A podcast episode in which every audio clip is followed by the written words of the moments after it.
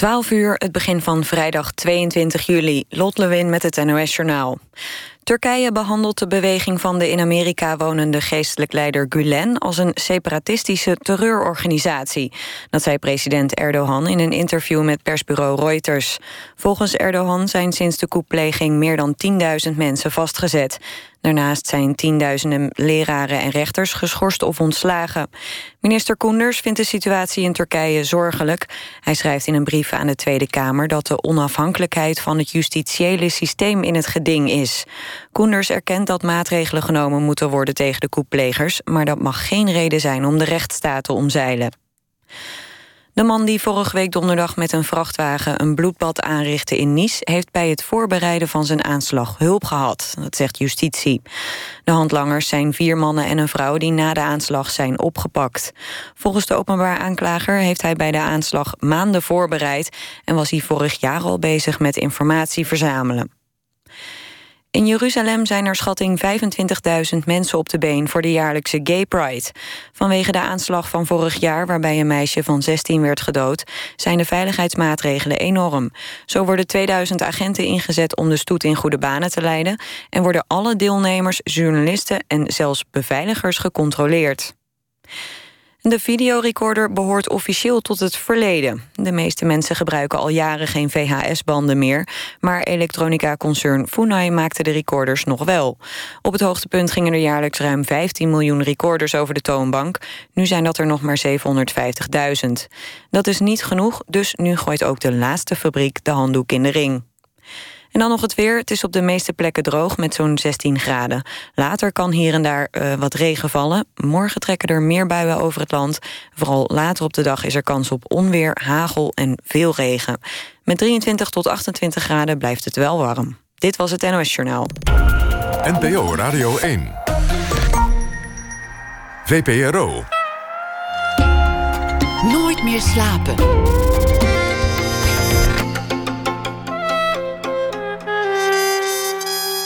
Met Esther Naomi Perquin. Goedenacht en welkom bij Nooit meer slapen. Schrijver Willem Elschot kent u misschien van boeken als Lijmen, Het Been en Kaas. Maar zijn geld verdiende hij vooral als reclameman. Hij werd rijk dankzij de introductie van muurreclames. En na ene kijken wij of daar in België nog wat van te vinden is. En we hebben dan ook de Toendra-documentaire Een vinvis is een vis. De voorlaatste aflevering alweer. Dat onder meer na één uur. Soms is er al een verhaal voor je überhaupt weet dat jij het wil vertellen. Een verhaal dat begonnen is ver voor jij er was... en waar je gaandeweg je jeugd ongevraagd, scène voor scène, een deel van wordt. Voor Oeke Hogendijk, geboren in 1961, was er zo'n verhaal... en het is er eigenlijk nog steeds. Het verhaal van de oorlog, de genocide... en vooral de zogeheten overlevers, zoals haar eigen moeder... Wanneer stopt dat, dat gevoel een overlevende te zijn... en wat brengt het eigenlijk teweeg? Oeke Hogendijk was theaterregisseur, maar wist instinctief dat het verhaal dat zij voor ogen had een documentaire moest worden. En dat bleek de juiste vorm. Met haar eerste film, Een Gelukkige Tijd uit 98, won ze onder meer de Nederlandse Academy Award, het Gouden Beeld. Er volgde een tweede film, The Holocaust Experience. Het verhaal dat ze van jongs af aan met zich meedroeg, was met dat werk echter nog niet verteld. Het werd de rode draad in werk en leven. Een voortdurende wrijving tussen het oude dat wat voorbij is en het toekomstige dat zich daarvan onmogelijk echt los kan maken. Het lijkt een thema dat Hogendijk drijft. En iemand moet hebben gezien dat zij ook daarom de aangewezen persoon was om de verbouwing van het Rijksmuseum in beeld te brengen. En dat was, mogen we wel stellen, goed gezien. Want voor haar bejubelde documentaires over het Rijks maakte ze tien jaar lang deel uit van een krankzinnig project. Het is een portret geworden van groots museum, grootse kunst, maar ook van Nederland. Met zijn poldermentaliteit en zijn inspraakavondjes. Ze maakt de kijker deelgenoot van Shakespeareaanse vertellingen. Met koningen, narren, intriges en heldenmoed. Of tenminste, een dappere poging daartoe. Oeke Hogendijk, fijn dat je er bent. Jezus, wat een mooie inleiding. Mag ik die zo meenemen? Die mag je zo meenemen. Ik zal hem op een koffiemok voor je laten. Daar kan ik wel wat mee. kan je daar elke ochtend. Het woord overlever, daar heb ik altijd een heel eh, dubieus woord gevonden. Omdat het eigenlijk impliceert dat je, als je nou zo'n oorlog overleeft, niet meer tot de levenden behoort, maar tot een andere groep. Je keert nooit meer helemaal terug naar wat normaal is. Je bent een overlever. Het lijkt me een heel. een, een juk eigenlijk. Je kijkt mij nu aan alsof ik ook een overlever ben. Maar nou, je, hebt natuurlijk, je, hebt met, je bent bij een overlever Ja. opgegroeid. Nou, ik ben het helemaal met je eens. Sterker nog, ik vind het nadeel van dat woord... maar dat vind ik ook van het woord homoseksueel of zo. Je bent dan maar één ding. Je bent zo'n overlever. Terwijl voor die oorlog was je gewoon van alles. Had je een heel leven met, met je werk en met van alles nog wat. En dat is volgens mij verkeerd aan het woord. Maar ik heb dat ook. Ik heb ook voor die Spielberg-interviews destijds eh, gewerkt. Toen was ik jong. En daar, dat, toen heb ik het woord survivor is toen eh, merkte ik echt hoe erg dat Amerikaans eigenlijk is. Het is niet van ons dat woord, volgens mij.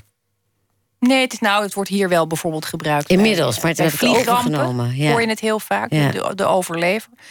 En het, meestal gaat het in Nederland, is, is alles eh, toch wat, wat kleiner, denk ik. Dan slijt dat weer. Dan gaat het over. Dan word je uiteindelijk misschien wel weer Een een mens. gewoon mens. Ja, ja. Dan zakt ja, dat weg. ja.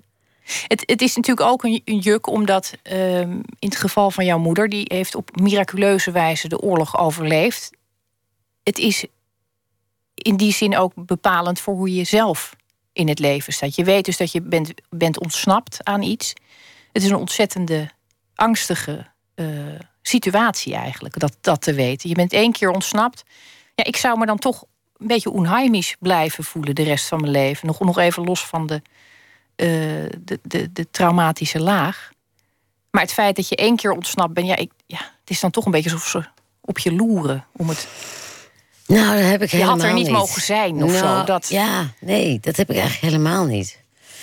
Ik, ik, ik denk wel. ehm, ik, denk, ik denk dat, je, dat ik me als. Dat mijn probleem veel meer is dat ik me als kind heel erg heb geïdentificeerd met het leed van mijn moeder. Dus dat ik eigenlijk al. Dat het, dat het wat lastiger is om je eigen identiteit te ontwikkelen. Omdat je altijd bezig bent met hoe is het voor haar. En eh, dat, dat heb ik. Vrij jong heb ik eigenlijk alleen vanuit haar gedacht. ja, hoe, hoe uitte zich dat dan bijvoorbeeld? Nou ja, dat is dat waar we het net even over hadden. Moet je nooit zeggen in een interview, dat weet ik. Maar eh, dat, dat je. Dat, dat, dat, nou, dat, ik, het voorbeeld is wel mooi dat toch dat ik geboren werd en dat was een thuisbevalling. En eh, dat ik een, een bacterie van de vroedvrouw, geloof ik, had of zo. En daardoor al na vijf dagen na de geboorte in het eh, ziekenhuis belandde. En mijn moeder, die, die ging toen de straat niet op. Die die had angsten om de straat op te gaan. En eh, dat ik dus acht weken zonder haar in het ziekenhuis heb gelegen. En dat ik heel lang, echt tot diep in mijn... Ik geloof ik 36 was of 37... dat ik een keer in, eh, eh, met iemand echt over sprak. En ik altijd had gedacht van... wat erg voor haar, dat ik, dat, dat ik ook nog haar dat heb aangedaan... terwijl ze al haar vader en een broer verloren had in de oorlog. En ik lag op sterven, dus als, als baby... Maar dat is goed afgelopen, zo, zoals je ziet. Maar dat ik dus inderdaad heel erg vanuit haar dacht... en altijd een schuldgevoel over had. Ik dacht, nou ja, heeft ze dat ook nog moeten meemaken, weet je wel? Ze had het al zo zwaar. Zo, zo erg identificeerde ik me met haar lot. Terwijl iemand op een gegeven moment tegen mij zei... Maar volgens mij, als kinderbaby's nu in het ziekenhuis liggen... dan slaap, als, als het maar één nachtje is, dan slapen die ouders... die moeder gaat erbij liggen. Of er zijn allemaal faciliteiten voor, dus acht weken alleen in het ziekenhuis. Wellicht is dat ook niet het allerbeste voor een baby. Nou, Het ik, is, ik kon eh, het me niet herinneren, dus ik dacht, ja, dat zal dan wel. Ja, ik heb twee eh, baby's, eh, die zijn nu- geen baby meer, maar ik heb twee baby's gehad. En ik, dit werd inderdaad van alle kanten ook gezegd dat, dat die eerste maanden zijn cruciaal. Hechtingstoestanden. En dat, dus is, dat is bij mij een beetje misgegaan. Voel je je ook onthecht. Nee, ik heb absoluut een eh, probleem. Dat is al die diagnose lang gesteld. Met, met hechten en onthechten. Ik heb ook alleen al met verplaatsen gewoon. Ik heb ont- ontzettende. Ik vind elke verandering altijd heel ingrijpend. Dus ik ben eigenlijk. eh, ja, het, toch, toch gaat het heel goed met mij. Maar ik heb heel veel moeite met eh, dingen die. Ja, met, met je. Dan ben je ergens en ben je gehecht op die plek. En dat kost mij altijd moeite. En dan kan ik er ook, ook niet meer weg eigenlijk. Maar het leven is natuurlijk vol veranderingen. Dus je, je kunt niet... Ja, dat kun je niet volhouden. Dus ik gooi mezelf altijd weer in diepe. Maar ik weet wel dat dat mijn zwakke plekken zijn. Het is, eh, denk ik, eigenlijk direct duidelijk dat de, dat de oorlog een soort huisgenoot is geweest. Misschien een zwijgende huisgenoot. Dat is ook de ondertitel van mijn documentaire over mijn moeder, hè? De oorlog als huisgenoot. Denk jij dat nu ter plekke? Want dat is wel grappig. Dat wist ik niet. Het staat echt in mijn scenario. Ja, misschien heb ik het dan ergens gelezen. Dat die oorlog is altijd aanwezig als huisgenoot. Van, de ene keer is het een darmkrampje, de andere keer is het een leuk, leuke anekdote. De volgende keer is het. Ja, het is altijd iets. Er komt altijd toch weer daarbij uit. Dat is heel boeiend. Wanneer kwam jij achter het verhaal van je moeder? Want het is een bijzonder verhaal. Ik kende het helemaal niet, uh, de Barneveld-Joden. Ik wist niet wat het was. Het klonk een beetje als een secte. Ik heb dus uh, jouw documentaire, jouw eerste film, gekeken. En dat, ik vond het eerlijk gezegd een verbijsterend verhaal. Het is misschien goed om voor, voor wie dat ook niet weet, even toe te lichten hoe dat gegaan is. Wat, wat voor groep ja, was dat? kan ik heel kort zeggen. Uh, op een gegeven moment is er door de secretaris-generaal van Binnenlandse Zaken, K.J. Frederiks, destijds. Die heeft een, een, studievriend kwam naar hem toe en die zei: Kan je iets voor ons doen? dat was het begin van de oorlog, want we zijn opgeroepen, een Joodse studievriend. En hij dacht: Nou, dat kan ik misschien wel doen. Dus hij heeft geprobeerd via de, de Duitse autoriteiten hier in Nederland een, een, een lijst voor zogenaamd verdienstelijke Joden op te stellen. Ja, het was een heel fout woord natuurlijk. Maar goed, dat werd zo genoemd. En daar kwamen, dat begon heel klein met vijf, vijf gezinnen. En dat werden uiteindelijk 700 Joden die in een kasteel in Barneveld werden geplaatst. En uiteindelijk daar natuurlijk ook weer weg moesten. Want Nederland moest een stuk Judenrein gemaakt worden. Maar die werd, dat werd opgerold in 1943. Uh, Toen werden ze toch uh, weg naar Westerbork. via Westerbork in de Theresienstad. Maar het interessante is wel dat die 700 Joden bijna allemaal overleefd hebben. Dus dat die bescherming op de een of andere manier die hele oorlog door gefunctioneerd heeft. En daar zat Abel Herzberg bij en daar zat uh, Rosa Spier van het Concertgebouworkest bij. Uh, professor Meijers van het Burgerlijk Wetboek. Dat was dan zogenaamd een beetje de elite. Ja, de elite. Dus dat is ook, dat is ook waarom het zo'n interessant onderwerp was. Omdat het ook heel oneerlijk is. In het NIOD liggen al die verzoekbrieven van iedereen die op die lijst wilde. Nou, dat vond ik een heel uh, ik bedoel, ik heb die, die documentaire sowieso op sommige momenten met kromme tenen zitten kijken. Omdat ik dacht, mijn god.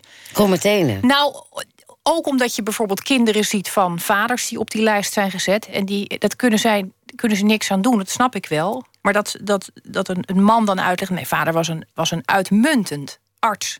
Hij was een groot wetenschapsman. En een soort reclame speech houdt. Om, om maar met terugwerkende kracht toch vooral te verklaren waarom zijn vader toch op die lijst hoort. Dat, dat kunnen we natuurlijk allemaal over onze vaders en moeders doen. En dat, dat besef, dat voel je ook in de film. Hoe dun dat is. Dat, dat, ja, dat is volgens mij het spanningsveld van die film.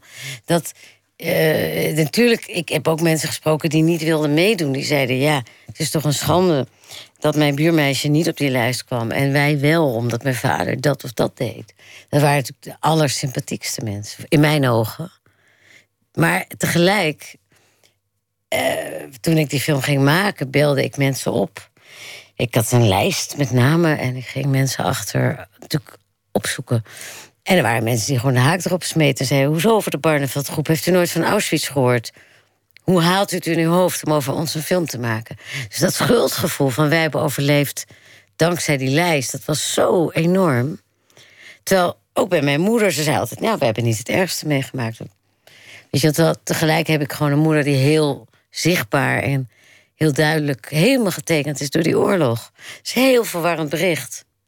Dat snap je als kind helemaal niet. Dan denk je, ja, maar sorry, je bent je vader en je broer verloren. Je bent als kind van hot naar her gesleept. Terwijl je helemaal geen kleren bij had en niks. En je helemaal niet begreep waar je heen ging. Uit een heel beschermd milieu. Artsen, arts als vader en, en geen idee. Ze kwamen dan uit Utrecht op de Malicingel. Nou ja, dus, dus kortom, dat is allemaal heel verwarrend. En dan heb je ook nog schuldgevoel als je overleeft. Want ja, je, ze hebben niet in Auschwitz gezeten, maar in Theresienstad. En dat was toch het Hilton vergeleken bij uh, Auschwitz. Dat waren geen gaskamers. Maar goed, die totale onveiligheid, helemaal niet weten waar je vader en je broer is als kind. Dat is allemaal veel te erg. Dus ik vind het allemaal, de hiërarchie van het lijden, ja, heel ingewikkelde materie. Heel interessant. Nou, ook als kind, je, je, je noemt het verwarrend, maar ik kan me voorstellen dat je als, als kind is dat, is dat nog veel chaotischer in je hoofd. Je zoekt naar grip of een verhaal of een. Of een je, je, je geeft je moeder toch ook een rol. Dus je kiest een rol van zij is de, de, het slachtoffer of ze. En terwijl zij zichzelf dus voor een deel ook schuldig voelde. Alsof ze iets fout had gedaan door, door gered te zijn. Alsof ze... Ja, bij mijn moeder is het heel ingewikkeld, want het is heel diffuus. Zij zegt altijd dat zij geen schuldgevoel heeft. Maar bijvoorbeeld, ik maak een film over haar, hè, dat heb ik nog niet over gehad, niet benoemd. Nog. Maar uh, daarin uh, zegt ze op een gegeven moment: het is heel erg, en dan moet ze ook huilen. Dat mijn broer niet overleefd heeft, want hij had zoveel talenten en ik wel. Alsof daar dan. Dat is toch ook heel wrang, alsof je. Ja, dat is een soort natienormen die je onbewust toch kennelijk dan voelt van. Hij had misschien beter kunnen overleven dan ik. Nou ja, je wordt op dat moment natuurlijk door de omstandigheden gedwongen om je eigen bestaan te rechtvaardigen. Precies. Je moet, je, moet eigenlijk, eh, je moet eigenlijk kunnen uitleggen waarom jij ertoe ja. doet. Ja, wij hoeven dat niet. Ja, dat appelleert Na de oorlog hoeven we dat niet meer. Nee, het, het, het, appelleert ook aan, aan, je absolute doodsangst. Want als je nou ergens een keer door de mand gaat vallen... Ja, ja hoe belangrijk dan kan je, zijn dan kan je ook afgevoerd worden gewoon. En vergast of zo, ja. Nee, maar dat zit er inderdaad achter. En dat is het, het, het, het ja, toch wat. Ja, daar kunnen we, daar, daar kunnen we lang of kort eh, over praten. Maar dat is wat dat die hele oorlog natuurlijk gedaan heeft. Wanneer besloot jij dat dit verhaal verteld moest worden? Dat kwam misschien nog voordat je wist dat je dat per film ging doen. Maar hoe, hoe oud was je toen dat idee ontstond? Ik, ik... Best oud. Was Volgens mij oud? was ik toen al. Het was in 1993 en ik ben er van 61. En ik ben slecht in rekenen. Ik ook. Daar hebben we dus maar helemaal ongeveer, niks nou, even kijken. De luisteraar die, dat, die het wil weten... Die, In de 30 pakt even was je. telefoon. Was je in de 30? Ja, absoluut, ja. Maar ik was al heel lang met het onderwerp heel intensief bezig. Dat wel. Ja. Nee, ik was er heel erg mee bezig, maar... Uh, ik heb ook een periode gehad dat ik me ontzettend Joods voelde. En terwijl wij helemaal niks aan Jodendom deden... maar opeens drong die tragedie heel erg tot mij door. En ik las Anne Frank en ik, ik droomde hoe ik haar ging redden uit, uh, uit, uit Bergen-Belsen.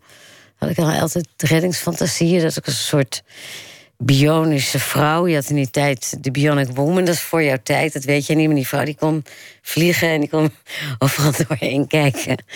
En ik droomde dan vaak s'nachts dat ik haar uh, ging redden uit Bergen-Belsen.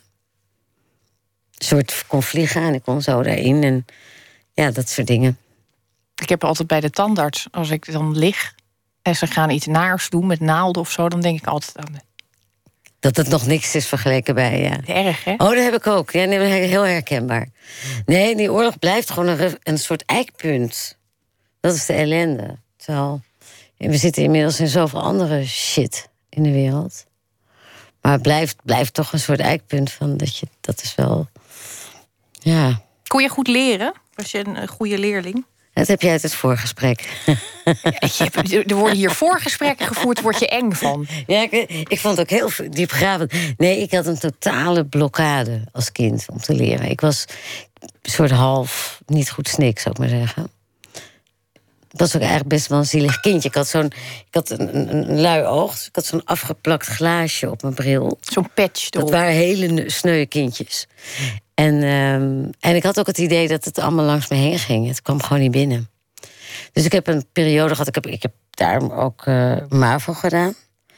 Komt het, het kwam me helemaal niet binnen, het leren. Ik was met hele andere zaken bezig. Wat voor zaken was je mee bezig? Ja, ik denk toch dat die verwarring over mijn thuissituatie, we het maar even noemen. En uh, verliefdheden speelden een enorme rol. En ik was heel, best een moeilijk, moeilijke puber. Een wilde puber ook. Dat je veel avontuur opzoekt en zo. Je ging geen bushokjes in elkaar trappen? Nee, dat niet. Maar ik heb wel een keer een kraak gezet, bijvoorbeeld, in een, in een kledingwinkel. Echt? Ja, met een vriendje samen. Hoe ging dat dan? Dat wil dat ik even ontzettend weten. spannend. Ja, het klinkt wel Ik vertel het nooit. Maar nou, wij dachten gewoon, waarom niet? Want we, in die tijd op school waren Fiorucci-broeken heel erg in en zo. En je moest meedoen. En, en het was eigenlijk gewoon, ik dacht steeds, hij doet het niet, want hij zal wel. Hij zal wel zeggen, nee, dat is een grapje, we doen het niet echt. Maar hij dacht steeds, zij zal het wel niet echt gaan doen. Terwijl, ja, de hele dag waren we ermee bezig dat we dat s'avonds gingen doen. En toen zijn we toch gewoon s'avonds met een koffer. Ja, ik weet ook niet waarom ik het nu vertel. Maar zijn we gewoon een kledingwinkel in de Kalverstraat. Zijn we de koffer. Dus waar je had toen nog niet die briljante alarminstallaties. Toen hebben we gewoon. Een hele Ja. koffer vol geladen. Nou, we zijn nog een keer terug geweest. Want we gingen op een brommertje. ik heb er staan passen. en er reed op een gegeven moment een politieauto door de Kalverstraat. Maar ik was op die, eh, op die, die leeftijd heel eh, angstloos. Ja, zo klinkt het inderdaad. natuurlijk heel slecht teken was. Maar mijn moeder heeft het ook heel pedagogisch opgepakt. Ik mocht die kleren gewoon houden. Ze is op een gegeven moment getipt door iemand uit de school, want ik vertelde het natuurlijk toch. En ik mocht die kleren gewoon houden, wat natuurlijk niet heel pedagogisch is. Maar ik moest wel in therapie. Nou, ik, ja, ik was dertien of zo. Dus toen ging ik in therapie. En kwam je dan echt bij een, bij, een, bij een psychiater of was het een soort Nee, bureau hij was een hele leuke psycholoog die heel lief was en heel leuke gesprekken mee had. Maar er was ook wel van alles aan de hand. Ik bedoel, Nou is ja, als je opgroeit met een, met een hele bange moeder, kan ik me voorstellen dat zo'n moeder bang genoeg is voor het hele gezin. En dat jij dan daardoor redelijk angstloos het leven in kon. Nou, soort- zo zou soort- ik het niet zeggen.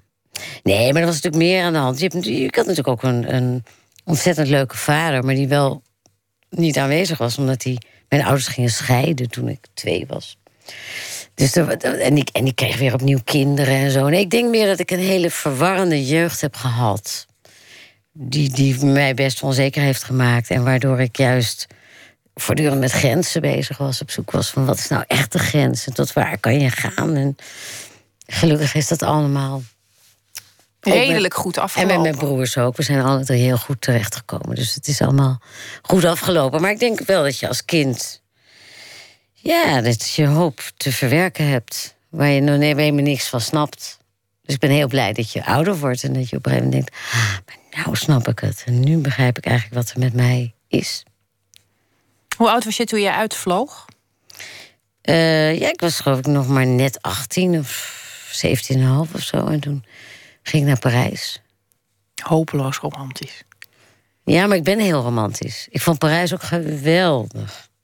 Nog steeds. Wat ging je daar doen? Nou, ik, de enige manier wat je dan makkelijk kan doen, ik was au pair. Dus, dus dat was een groot evenement, dat ik dan au pair ging naar Parijs.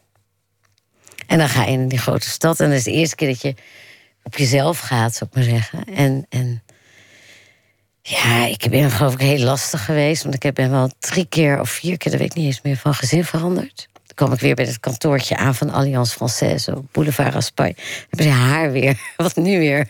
Ja, dan wilde ik toch naar een ander gezin. En dat was ontzettend boeiend. En uiteindelijk kwam ik bij een gezin terecht wa- waar ik, ik, ik, ik wist dat niet, maar ik kwam thuis met kerst bij mijn moeder en ik zei: Ik zit nu bij Jean Anouilh. En, en ik zeg: Een of andere toneelschrijver. Dus mijn moeder die was boontjes aan het doppen en die Sneed haar de- vergiet zo de lucht in en die rende naar de boekenkast. Dus ik, dat is Jean Anouilh, dat is geweldig. Ik had helemaal niet begrepen wie dat dan precies was. Dat wist ik toen nog niet. Maar ik heb heel veel meegemaakt. Dat was superleuk.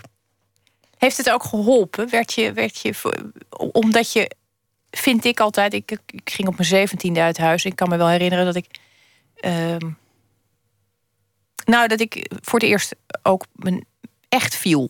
Er was niemand meer die, er, die ertussen ging liggen. Dus als ik uit ergens weer van een, van een idee afflikkerde of, of een illusie armer werd, dan was er niemand om die scherven even op te vegen of zo. Ik vond het ook wel. Ik werd er ook een, echt wel een rijker, een steviger mens van door dat jong te doen. Had Ja. jij dat gevoel toen je terugkeerde naar Parijs dat je dat je Nou, ik, denk- een ik denk dat voor coming iedereen. of age periode? Ik weet het niet. Ik denk dat het voor iedereen heel goed is om. Vooral omdat ik me zo identificeerde met mijn moeder, toch. Ook al hadden we het best ook moeilijk af en toe. Denk ik dat het altijd goed is om afstand te nemen. Om, om, om, om je eigen boontjes te doppen. En eh, ik denk wel zeker dat het. Ik had een enorm gevoel van vrouw van de wereld zijn in Parijs. Ik voelde me ontzettend wijs en, en volwassen. En dan loop je daar met een bakket over straat. En dat is natuurlijk heel romantisch allemaal. Dus ik, ik, het is voor mij heel goed geweest. En ik heb ook een eeuwige liefde voor Frankrijk gehouden.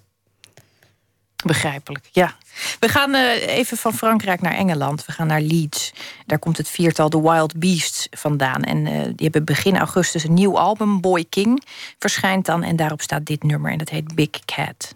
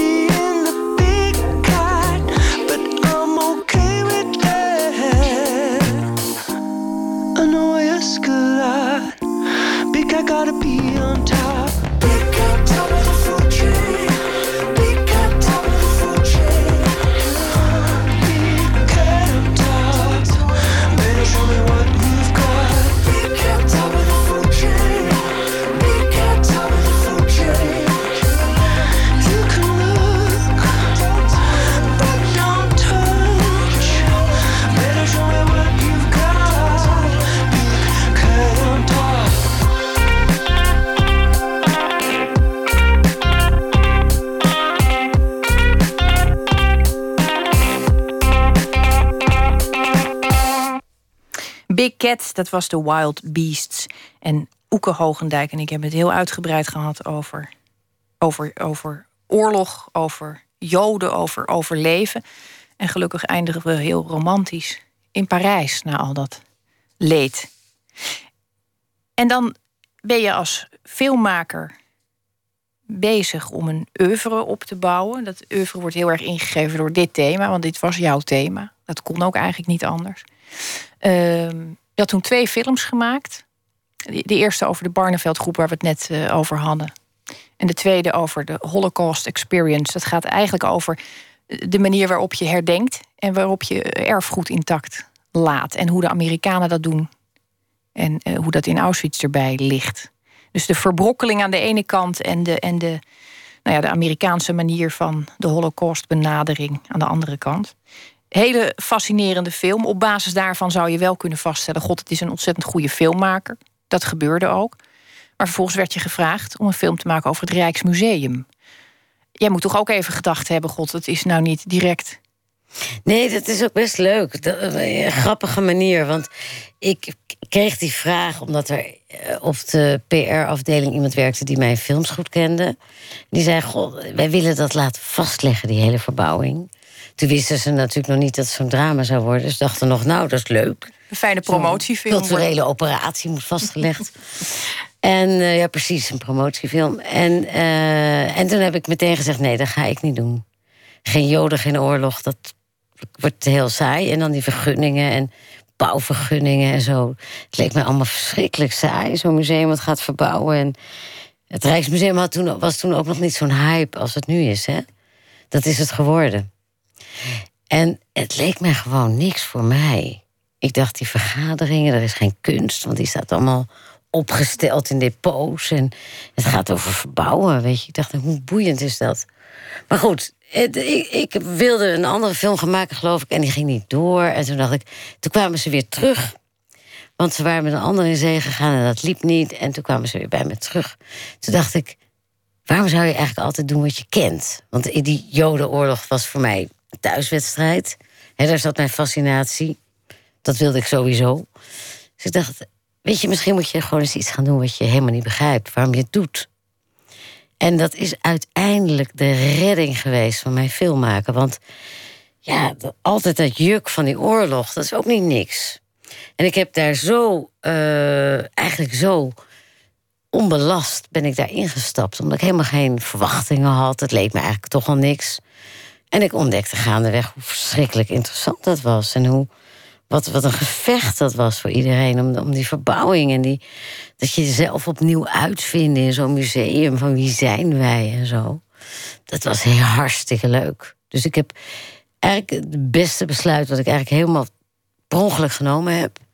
En wat uiteindelijk mijn levenswerk heeft opgeleverd. Want er zijn weinig mensen, die, iedereen die mijn naam hoort, die mij al kent, denkt aan het Rijksmuseum. Maar echt niet aan die films over uh, enkeling. Maar de meeste zullen aan het Rijksmuseum denken. Dat is natuurlijk ook wel een. een nou, het is geen levenswerk, want je leven is gelukkig nog niet voorbij. Het Rijksmuseum is trouwens ook nog niet voorbij. Nee, maar ik heb wel tien jaar gewerkt. Tien jaar, het is, lang. ontzettend lang. Ja, maar daar kon ik niks aan doen. Want de bedoeling was dat ik er vier, vijf jaar zou werken. tot het Rijksmuseum zou heropenen.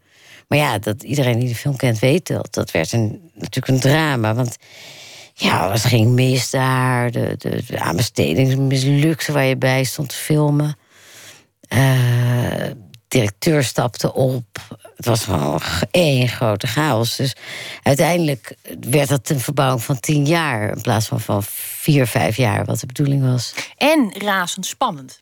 Want ik heb uh, nou zelden een uh, documentaire zitten binge-watchen. Is daar, is daar in Nederlands mooier... Ik vind dit het mooiste woord wat er is. Televreten. ik heb het zitten televreten, die hele serie. Omdat het... Uh, nou ja, het is, het is een soort koningsdrama ook. Die eerste twee delen met die eerste directeur... wat natuurlijk ook... Het, het, nou, die, toevallig allebei die directeuren zijn op hun eigen manier filmisch... Geweldig. Razend mooi. Ja. Uh, de Leeuw is die eerste directeur, die eerste twee delen. Ja. Nou, Wim Pijbes is ook nog een mooie man om naar te kijken. Heeft een heel filmisch Dat is de, de Leeuw directeur ook, in de. Ja, ook. Ja, op Wat ouder, maar ook. Het zijn allebei ontzettend uh, filmische koppen. Het, zijn bijna, het lijkt bijna of ze gecast zijn voor ja. die rol. Ja. En wat heel merkwaardig is, is dat jij dingen hebt gefilmd. Ja, ik, ik ben ook na, na een halve minuut was ik al vergeten dat, dat er überhaupt iemand aan het filmen was. En dat voelt dus ook echt heel. Je, je zit erbij in die vergaderzaaltjes, in die wandelgangen, in die, in die depots, in, in dat restauratieproces wat plaatsvindt. En ik, dan denk ik, ja, hoe heb je dat nou voor elkaar gekregen dat je zo ontzettend dichtbij mocht? Ook dingen die echt niet prettig zijn voor het Rijksmuseum, lijkt mij. Dat die hele laag, nou ja, promotie, uh, hoe je overkomt op de wereld, dat, dat, daar heb je doorheen weten te werken. Je, je zat er gewoon. Ja, nou, dat is, dat is eigenlijk gewoon een kwestie van. Uh, ik heb een heel sterk gevoel voor wat. Ja, hoe moet ik het nou uitleggen? Voor wat je meent. Dus je kunt dat niet spelen. Dus op het moment. Ik was op een gegeven moment ook echt uh, heel veel bezig met deze mensen die mijn hoofdpersonen waren. En ik, ik vroeg me ook gewoon af hoe.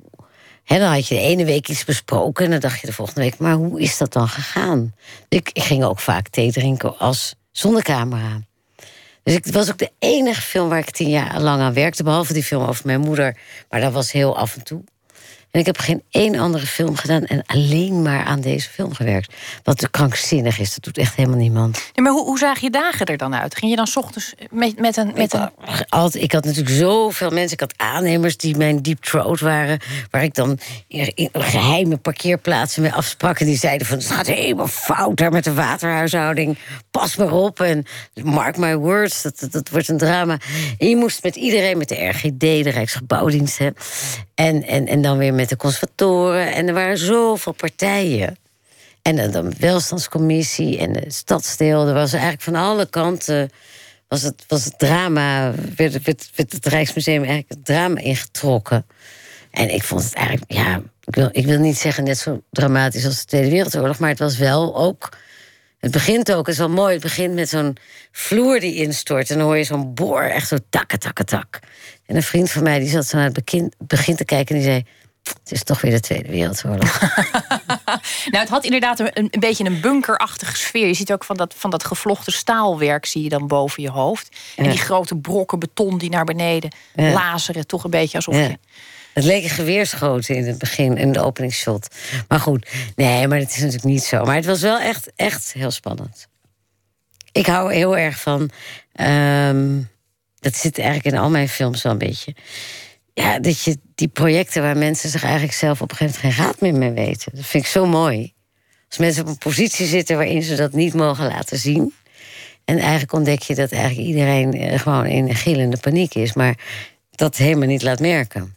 Wim Pijbers was daar anders in. Hè? Die, die, die, die wist mij ontzettend goed in te zetten. Dat is zo stratege in die zin dat hij echt wist van... nou, oh leuk, Oeke komt weer met de camera. Dan kan ik, uh, kan vertellen ik wat mij allemaal niet bevalt. dan komt het tenminste nog ergens terecht. Nou, Wim Pijbers heeft ook op een gegeven moment jou aan iemand voorgesteld... met de woorden, dit is Oeke, die filmt alles wat er misgaat. Ja. Dus er was wel toch een beetje de, de, het besef dat jij niet een, een, een heel rooskleurige toestand. Je ging natuurlijk ook niet selecteren op wat er misging. Dat lijkt me niet. Die film is heel evenwichtig. Nou, dat doe je wel hoor. Maar, ja? ja, net als een romanschrijver of, of een fictiefilmmaker. Je denkt wel, daar zit spanning, daar moet ik wezen. Ja, dat is gewoon zo. Nou, dat heeft, dat heeft zich ook uitbetaald. En een van de uh, scènes in, in, die, in die reeks waar heel veel over gesproken was... het is eigenlijk niet één scène, het zijn er meerdere... is het terugkerende, terugkerende thema van de fietstunnel. Ja. Het is ook een manier om Nederland te begrijpen en ook te zien hoe ingewikkeld Nederland is. Want het, er was eigenlijk, dat zie je in het hele proces, er is geen baas uiteindelijk. Er is niemand die de knoop doorhakt. Er is overal inspraak, verschuivingen. Ik kom ergens op terug. Er is toch geen budget. Het is wat dat betreft heel complex. En in die zin werd het ook uh, een portret van Nederland genoemd. Terecht. Ja. Aan wiens kant stond jij met die fietstunnel? Want er waren dus mensen die wilden per se die onderdoorgang voor de fietsers behouden. En, en dat museum wilde eigenlijk. Nou, die hadden dus al die architecten aangetrokken die dat probleem konden oplossen. En vervolgens bleek dat toch niet goed genoeg te zijn. En toen wilden, wilden ze eigenlijk een grootse entree. Maar dat ging dan weer ten koste van die fietsers. Nou, sterker nog, het, was, het was eigenlijk zo dat die architecten uit Spanje, Cruz en Ortiz, die waren aangenomen. Er was een prijsvraag, een wedstrijd omdat ze een briljant idee hadden. Ze wilden grote trappen in de onderdoorgang. Waarmee je zeg maar, door die, met een roltrap naar beneden. Naar de onderpleining. Hè, daar kwam een verdieping onder. Waar je een prachtige manier dat, dat, dat, dat museum zou ingaan. In plaats van die ordinaire uh, klapdeurtjes, die draaideurtjes. Die het nu zijn geworden. Dus er was eigenlijk een, een, een, een briljant ontwerp. En toen bleek, en dat vond ik wel heel fascinerend, dat een uh, overheid dus miljoenen pompt, honderden miljoenen in een project.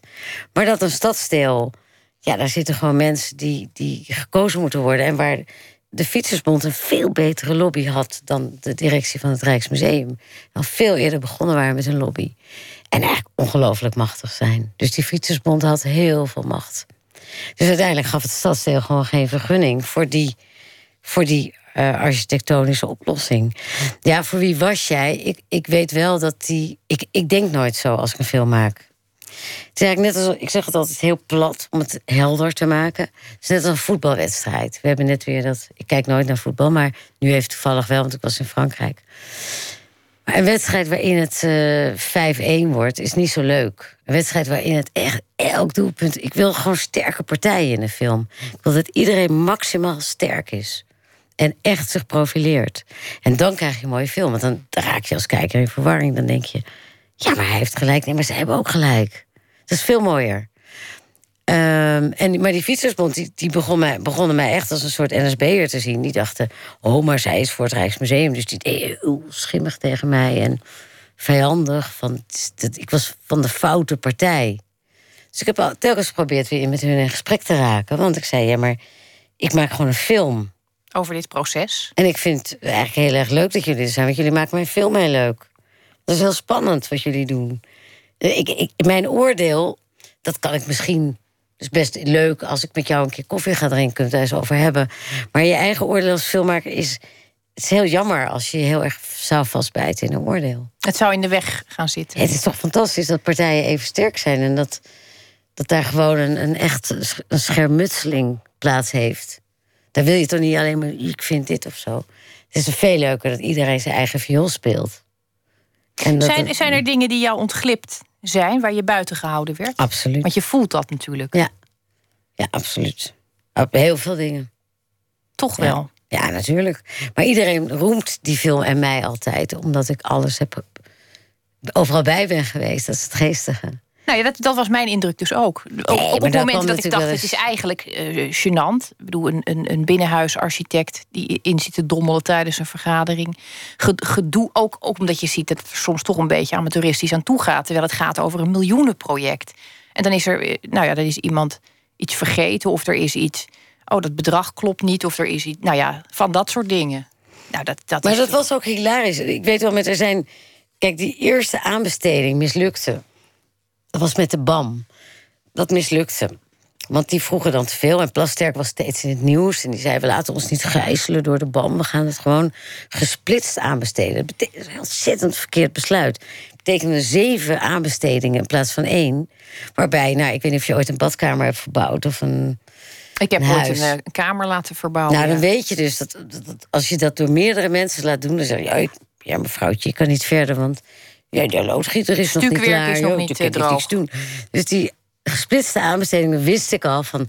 nou ja, dit wordt, dit wordt gewoon een echt drama. Nou ja, toen was ik bij de eerste... dan moeten ze dus zeven keer een aanbesteding doen. En ik was dus bij de eerste aanbesteding en die mislukte. Toen zeiden ze tegen mij, je mag niet meer komen... want dat vinden we niet leuk als dat op film staat. Nou, de tweede ging goed, de derde ging goed. En toen bij de vierde zeiden ze... nou, het gaat zo goed, kom maar weer. En verdomd, we staan er weer met de camera. Ik wist echt van niks. En er komt weer maar één aannemer. En weer gaat het over de kop. Ze hebben het zelf voor elkaar gekregen dat ik alleen maar bij mislukte aanbestedingen mocht zijn. per ongeluk. Dus ja, ze hebben dat verkeerd. Dat kan je niet weten. Nee, maar ik heb zeker dingen uh, niet, ook niet kunnen filmen. Maar sommige dingen zijn ook te pijnlijk. Daar wil je hem niet bij zijn. Je wilt, zoals Johan van der Keuken altijd zei, je wil het echte verhaal vertellen. Dus je ligt de waarheid soms. Dus het belangrijkste voor mij was om met heel veel mensen te praten. Van alle, uit alle hoeken en gaten. Zodat ik weet, dit is het verhaal. Dus je research. En dan ga je zorgen, en desnoods maak je het in de montagekamer soms. Er zijn scènes in de film die, ja, één verteller en de rest pak je scènes die over iets heel anders misschien gaan, maar waar iedereen begrijpt wat je aan het vertellen bent. Want je wil het echte verhaal. Je wil niet het buitenkantverhaal, niet het reclameverhaal. Je wil het hidden subject, het echte verhaal. En dat is volgens mij redelijk goed gelukt in de film. Je bent er tien jaar uh, van je leven, heb je daar rondgelopen? Ja, ben je erbij betrokken geweest? Ja. Was je tevreden met het eindresultaat? Ja, ja, dat was ik wel. Ja, ja dat blijven altijd. Ik ben heel perfectionistisch, dus ik kan sommige scènes gewoon niet naar kijken. Ik denk, ach, we had toch gewoon dit of dat moeten doen. Of... Maar dat ligt, heb ik ook altijd met een scenario wat ik schrijf. Ik ben nooit tevreden. Maar ik vind over het geheel wel dat het heel goed gelukt is om dat hele moeilijke proces. Wat om, op een gegeven moment kwam ik in een fase dat de mensen zelf zeiden: ja, wij kunnen het je niet meer uitleggen. Wij snappen het zelf ook niet meer helemaal waar we nu staan of wat. Het was zo complex met aannemers en overheid. Dus ik ben, wel, ik ben heel tevreden. En zo heel erg te danken aan mijn geweldige editor Gies Zevenbergen... met wie we ik heb maanden heb zitten werken. En dat we af en toe gek werden van de complexiteit. Je moet het in een film, is een heel oppervlakkig medium.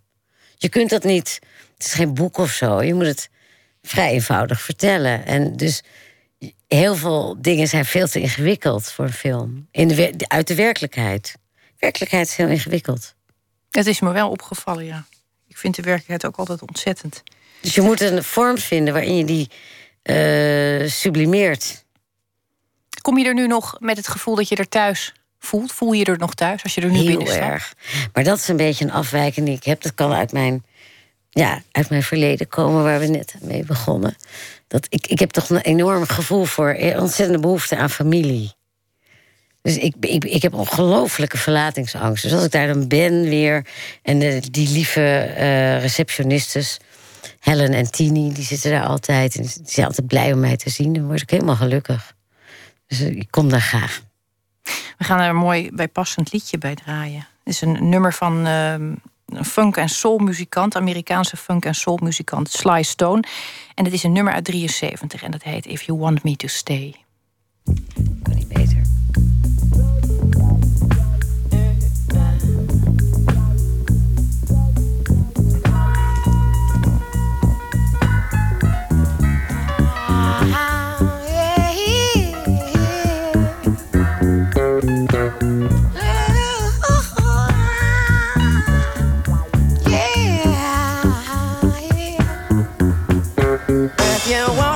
Stay. I'll be around today to be available for you to see. I'm about to go, and then you'll know for me to stay. I got to be me. You'll never be in doubt. That's what it's all about. You can't take me for granted and smile.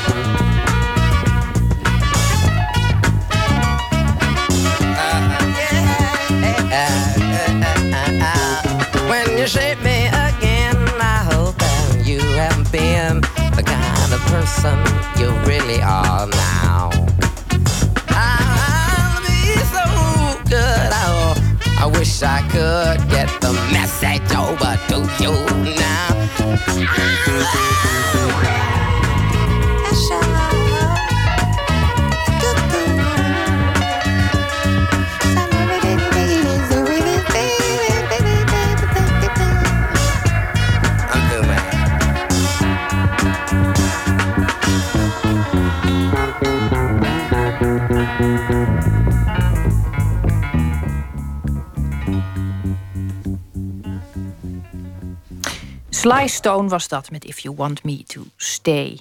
En Oeke Hogendijk en ik hadden het net over de schitterende eh, documentaire reeks die ik heb zitten. Wat zei je dan ook weer? Tele, Binge. Televreten. Ja, Binge-watchen. Binge-watchen. Ehm, over het Rijksmuseum, eh, hoe dat tot stand kwam en, en eh, wat je daar zo aantreft in tien jaar tijd. Onvoorstelbare periode. Intussen ben jij redelijk Rijksmuseum vrij. En je werkt weer aan nieuwe dingen. Veel Ja, nieuwe dingen. Want het moet wel een beetje complex blijven, heb ik de indruk. Ja, het mag niet te makkelijk worden nog. Waar werk je aan op dit moment? Eh, ja, ik werk nu eigenlijk aan drie films. Dus dat is best wel. Ik heb dat nooit gedaan. want Ik heb tien jaar lang aan één film gewerkt over het Rijksmuseum. Maar ik werk nu aan één film waarin het Rijksmuseum gelukkig weer een beetje erbij mag zijn. Maar daar is nog veel geheim over. Maar dat gaat over Rembrandt. En daarin speelt een, een hele belangrijke restauratie... die nog echt geheim is... Uh, van een bekend Rembrandt-schilderij. Maar daar gaan we dus niet op in. En er is uh, een reconstructie van Oopje, Oopje, de aankoop van Oopje en Maarten. Marten heet Het is de, de 160 miljoen aankoop die ja. uiteindelijk met twee partijen werd. Ja, maar dat is ook fascinerend. Want dat is, daar heeft Frankrijk ook weer een absurde belangrijke rol in gespeeld. En dat was natuurlijk de bedoeling om ze allebei te krijgen. Want het zijn twee, het zijn huwelijks, twee huwelijksportretten. En dat is echt wat Wim Pijpers wilde en de directie. En dat is uiteindelijk gewoon niet gelukt. En nu is iedereen heel blij en er is niks meer aan de hand. Het was ook prachtig om het samen met Louvre te kopen. Maar er is natuurlijk een geweldig verhaal achter. Wat ik, uh, wat ik ga ontsluiten, zoals dat heet. En een reconstructie wil gaan maken. En, uh, en nou ja, dat die film over Rembrandt gaat dus niet over... He was born in Leiden en a son of en bla bla, wat je altijd ziet. Maar gaat heel erg over wat, welke begeerte Rembrandt bij ons in deze eeuw weet op te roepen. Wat hij ook echt doet. Dus ja, het is natuurlijk best bijzonder dat de overheid 80 miljoen. Overal wordt op kunst bezuinigd. En die 80 miljoen is er gewoon. Maar ze hadden, de, de, de fractievoorzitters hadden ook best 160 willen betalen. Dus er was echt een ontzettende eensgezindheid over die aankoop. En dat vind ik heel interessant. Dus dat, dat, dat, dat we allemaal door die koorts zijn bevangen als het over Rembrandt gaat. Dus Heb je dan ook iemand kunnen vinden die die begeerte ver, verbeeldt? Iemand die. Nou, Wim Pijpers is daar best ook uh, goed in. In begeerte? Ja, die wilde dat echt. En Taco Dibits, die nu de directeur is ook. Ze wilde dat echt, want het is ook beter voor die schilderijen. Weet je, dat heen en weer gezul met die schilderijen. Het kost hartstikke veel geld. Het is allemaal ingewikkeld. Het is gewoon gedoe. Ze zeggen nu wel allemaal dat ze het heel mooi vinden. En Jesse maken ook. En dat is ook wel weer waar. Dat het leuk is om met Frankrijk gezamenlijk. Hè, dat is natuurlijk ook weer goed voor het Rijksmuseum. Want het Louvre is niet het minste als museum. Als museum. Maar het was niet de opzet. De opzet was om ze allebei bij elkaar te houden. En echt uh, samen te kopen. Het is natuurlijk ook wel een beetje tragisch dat je zo'n huwelijk aankoopt... en dat het dan uiteindelijk een soort latrelatie wordt. Ja, dat wordt het niet, want ze moeten bij elkaar blijven. Maar ik heb bijvoorbeeld voor die nieuwe film ook een prachtig interview met de Rothschild... Waar, van wie die schilderijen komen. Dus dat is echt. Dat is de oorspronkelijke eigenaar. Ja, nou, oorspronkelijk daarvoor was het de familie van Loon. Maar in de eind 19e eeuw was er natuurlijk een beetje crisis financieel. En, en, en, en, en zijn er een heleboel Rembrandts verkocht naar het buitenland. En we kunnen daar heel verdrietig over zijn, maar heel veel mensen zeggen ook, en terecht. Het is natuurlijk geweldig, want anders zouden veel mensen niet weten waar Nederland ligt. Maar omdat al die Rembrandts in het buitenland zijn gekocht. En Rembrandt zo'n geweldig, geweldige schilder is, is, is Nederland natuurlijk op de kaart gezet. ook in de Hermitage in Rusland zijn Rembrandts. Dus dat is natuurlijk fantastisch. Rembrandt zelf is nooit in het buitenland geweest, maar zijn schilderijen wel. Maar dit was in privébezit? Het was in privébezit en het, het hing in de... Ik heb daar een hele mooie foto van in de slaapkamer van Erik de Rothschild. In Parijs, in de Champs-Élysées. En, en daar werd gewoon, daar was, dat, daarvoor was het van zijn ouders en er werd lustig bij gerookt. En het werd ook nooit uh, schoongemaakt. Dus dat roept ook weer een hele interessante vraag op voor mijn film. Van, mag je roken, mag je bij wijze van spreken een Rembrandt als dienblad gebruiken? Of, mag je leven met, met ja, Rembrandt? Mag je gewoon leven met Rembrandt? Of hoe ga je met een Rembrandt om als hij in privébezit is? En de Duke of Buccleuch in, in, in uh, daar ga ik 9 augustus heen. Die heeft een van de allermooiste Rembrandts uh, boven zijn schouw hangen.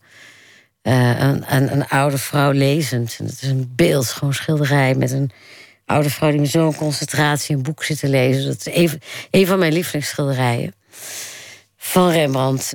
En nou ja, dus die vraag is best actueel: van wat doen wij met Rembrandt? Daar gaat die film over. Prachtig. Wordt dat een. Uh, dit wordt ook een meerjarenproject. Nou, ik, ik vrees het wel, omdat die ene restauratie gaat natuurlijk weer lang duren. Waar je niks over mag zeggen. Nee. Ook helemaal niks kleins. Nee, niet welk, wel, welk schilderij het is. Nee, dat is nog geheim. Dat moet het Rijksmuseum zelf openbaren. Uh, maar dat gaat ongetwijfeld binnenkort gebeuren. Nou, we houden ons. Uh, we spitsen onze oren dan maar even. De, de film waar je, ehm, je je carrière mee begonnen bent. Het verhaal wat je eigenlijk van je, van je jeugd af aan moest vertellen, waar je een vorm voor zoekt, dat, dat eh, verhaal van je moeder. En, en eigenlijk ook over jezelf. Want het heeft natuurlijk consequenties. Dat wortelt door. Dat... Komt die film er? Jazeker, die is al bijna klaar. Is dat een. Bedoelt eh, de film over mijn moeder? Ja. Ja, dat is de film Auschwitz. Waarom, heet die zo? Ja, dat, dat is een combinatie van Auschwitz en. eh, eh, nou, mijn moeder houdt heel erg. Die is bijna 90 nu, die wordt dit jaar 90. En die houdt heel erg van housemuziek van Chesto. Daar danst ze ook op en zo. Dus Auschwitz. En ze komt niet graag de deur uit, al heel lang. Eh, dus dat, dat, dat is te onveilig. En dus housemuziek en Auschwitz, ja, dat leek mij dan fantastische combinatie. Ik, ik hou niet zo van woordgrappen, maar in dit geval leek hij wel heel erg adequaat. Passend, ja. Ja. En dat is ook leuk, thuiswiets, Auschwitz. Mijn moeder vond het ook een hele leuke titel. Ik vind alleen als zo'n opmonterend idee dat een, een, een, een dame van 90 eh, naar housemuziek zit te Maar luisteren. mijn moeder is volstrekt onconventioneel. Zij, dat, echt, daar kunnen wij. Ik, mensen vragen me wel eens: is, mijn, is je moeder nog eh, mentaal in orde? En dan zeg ik altijd: Nou, daar kunnen jij en ik niet tegenop. Dat is gewoon verschrikkelijk. Zo, die wordt alleen maar. Dat gaat alleen nog maar beter in die bovenkamer. Maar da- daar, daarmee is ze ook eh, natuurlijk eh, ja, super bewust van alles. En als je 90 bent, wordt het leven natuurlijk wel, zeker als je een oorlogstrauma hebt, wordt, wordt het niet makkelijker op. Als die film klaar is, heb jij dan het gevoel dat je vrijer bent? Want dit is natuurlijk een, het is een urgent verhaal. Het is in alle opzichten met je leven verbonden.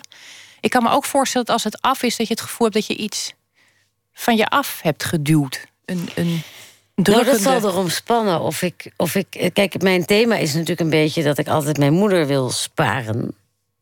Dus dat ik eigenlijk niet weet wie ik zelf ben, als ik het heel extreem zeg. Dus het zal erom spannen of ik dat in die film voor elkaar krijg om ook een eigen verhaal neer te zetten en niet alleen haar verhaal. En dat is eigenlijk ook waar we nog een beetje zoekende in zijn. Van, ga je nou eigenlijk echt je eigen verhaal daar ook in daar tegenover zetten? Of wordt het gewoon een film over je moeder? En ik moet je zeggen, ja, ik ben best, ja, best al niet meer jong, maar dat is nog steeds, ook, ze leeft natuurlijk ook nog, nog steeds een gevecht van, heb ik het recht? Weet je, wat heb ik nou meegemaakt? Dat is natuurlijk het probleem wat iedereen heeft met een ouder die de oorlog heeft overleefd. Van dat je denkt, ja, Kom jij met je... kom ik een beetje met, mijn dagelijkse leed. ja, ik had ook wel een beetje moeilijk toen ik jong was. En mijn moeder heeft gewoon eh, ja, kampen overleefd en een vader en een broer verloren. Dus eigenlijk, dat is, dat is heel klassiek hoor. Het is niks nieuws wat ik nu vertel. Israël Meijer heeft dat heel mooi met het jongetje wat alles goed wil maken. Je wil eigenlijk altijd, ja, je denkt altijd dat je, dat je dingen moet oplossen. Dat je een ander moet zijn. En, dat je, en dat is mijn thema in het leven. Van dat ik toch een beetje eraan moet werken. Dat ik zelf toch ook ja, mijn eigen leven moet leven. En eh, niet altijd dat die rol kan vervullen meer. Het lijkt me ook een, een vorm van vrijheid. eh, Als het lukt. als het lukt. Niet Maar alleen voor, je als er- mens, Ik ben maar, er nog niet. maar ook als filmmaker, denk ik. Ja. Zijn er Ja. nog eh, dromen die je hebt? Dingen die je echt heel graag wil? Je, je, bedoel, je werkt nu aan drie films, dus het is even geen tijd om daar ook nog een droom bij te gaan Nou ja, zitten dat hebben. krijg je dus in, als je aan drie films werkt, is het de droom eigenlijk om niet meer aan films te werken. Wat ga je dan doen? Nou, ik heb Iets met schapen. Ja, met schapen. Ik ben natuurlijk veel in Monnikendam, waar, waar ik eh, deels van de tijd woon. Maar ik heb ook tegenwoordig iets in Frankrijk. Een soort uh, huurdingetje in Zuid-Frankrijk. En eigenlijk, ja, mijn droom is nu drie maanden helemaal niet werken... en alleen maar lezen en nadenken. Dat, dat zou mijn droom zijn. En misschien ook nog wel eens een boek schrijven. Daar houden we je aan en daar spreken we je dan nog over. Leuk. Oeke Hogendijk, heel erg bedankt dat je er was. Ik vond het leuk. Ik vertel u nog even dat Nooit meer slapen er vanaf aanstaande maandag even niet is. Dan komt er een onderbreking van vier weken. En in die tijd kunt u luisteren naar Brainwash Radio. Dat is eh, twee weken lang. En daarna komen de Olympische Zomerspelen tot u. Daar wordt uitgebreid verslag van gedaan. Na het nieuws gaan we nog een uur door. En dan horen we onder meer wat Joris van Kasteren bij de voorbije dag heeft geschreven. En welk boek neemt schrijfster Carolino Trujillo mee op vakantie? Dat en meer straks na het nieuws van 1 uur. En dan hoop ik dat u er weer bij bent.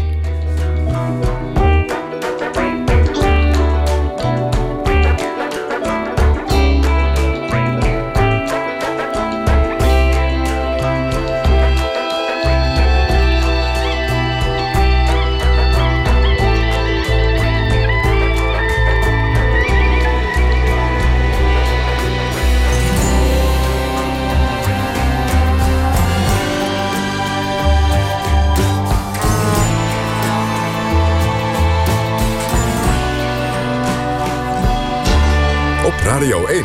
Het nieuws van alle kanten.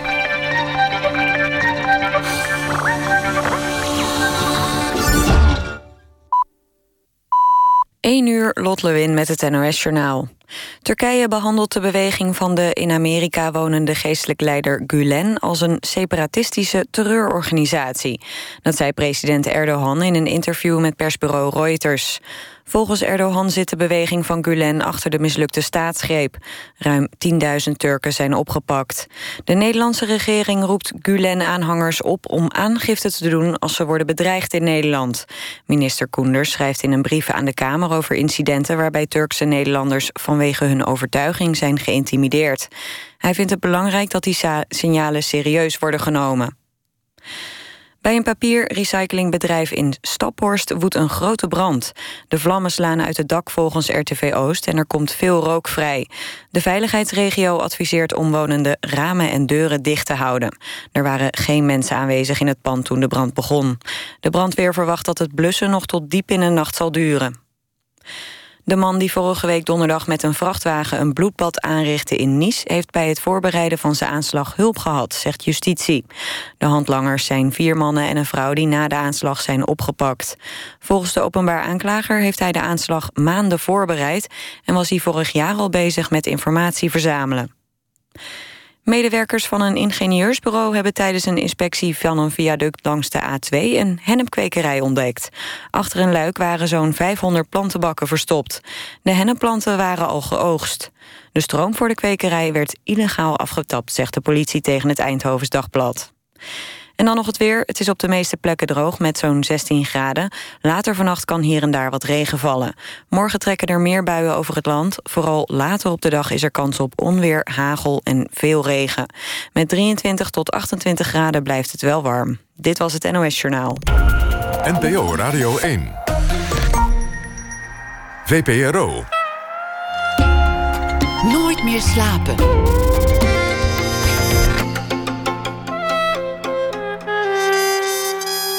Met Esther Naomi Perquin. Schrijver Willem Elschot. U kent hem misschien van boeken als Lijmen het Been of Kaas. Maar zijn geld verdiende hij vooral als reclameman. Rijk werd hij dankzij de introductie van muurreclames. En straks kijken we wat daar in België nog van te vinden is. En de Toendra-documentaire gaat dadelijk over de behandeling van een onhandelbare patiënt. Maar we beginnen dit uur met een schrijver die reageert op iets wat er in de wereld is gebeurd. En deze week doen we dat met Joris van Kasteren. Hij is schrijver van boeken als Lelystad, Het Been in de IJssel en meest recent verschenen de verhalenbundel Het Station. Joris, goedenacht. Goedenacht. Hoe zag jouw dag eruit? Nou, die, die zag eruit uh, in, in de vorm van warmte. En ik moest naar de uitgeverij om mijn uh, manuscript van het aanstaande boek een beetje door te worstelen. En, en nou ja, verder ben ik met dit uh, schrijfseltje bezig geweest. Niet heel veel meer. En ik heb net gegeten bij mijn buurvrouw, die uitstekend kan koken. En wat heb je gegeten?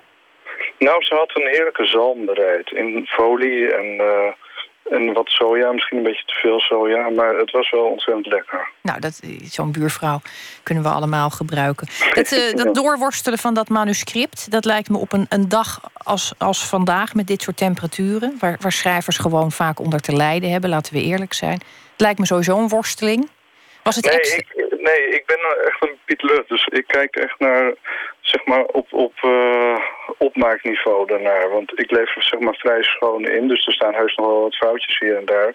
Maar ik wil dan misschien nog één zinnetje toevoegen en dan doe je dat. En dan komt er een tweede proef en dan heeft die drukker weer, of de zetter heet dat, eerst dan een fout gemaakt. Tenminste, daar ben ik bang voor. Dus ja, dan Het, het zijn gewoon echt kleine dingetjes. Het is, het is bijna een soort pervers genoegen om anderen op fouten te betrappen. Omdat je dan weet dat je het zelf eigenlijk wel heel goed gedaan hebt.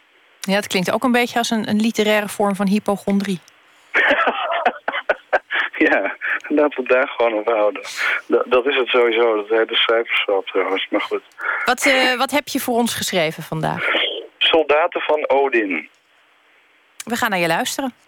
Goed. De afgelopen dagen was er veel te doen om Soldiers of Odin. Een manhaftige burgerwacht die is ontstaan in het levensgevaarlijke Scandinavië...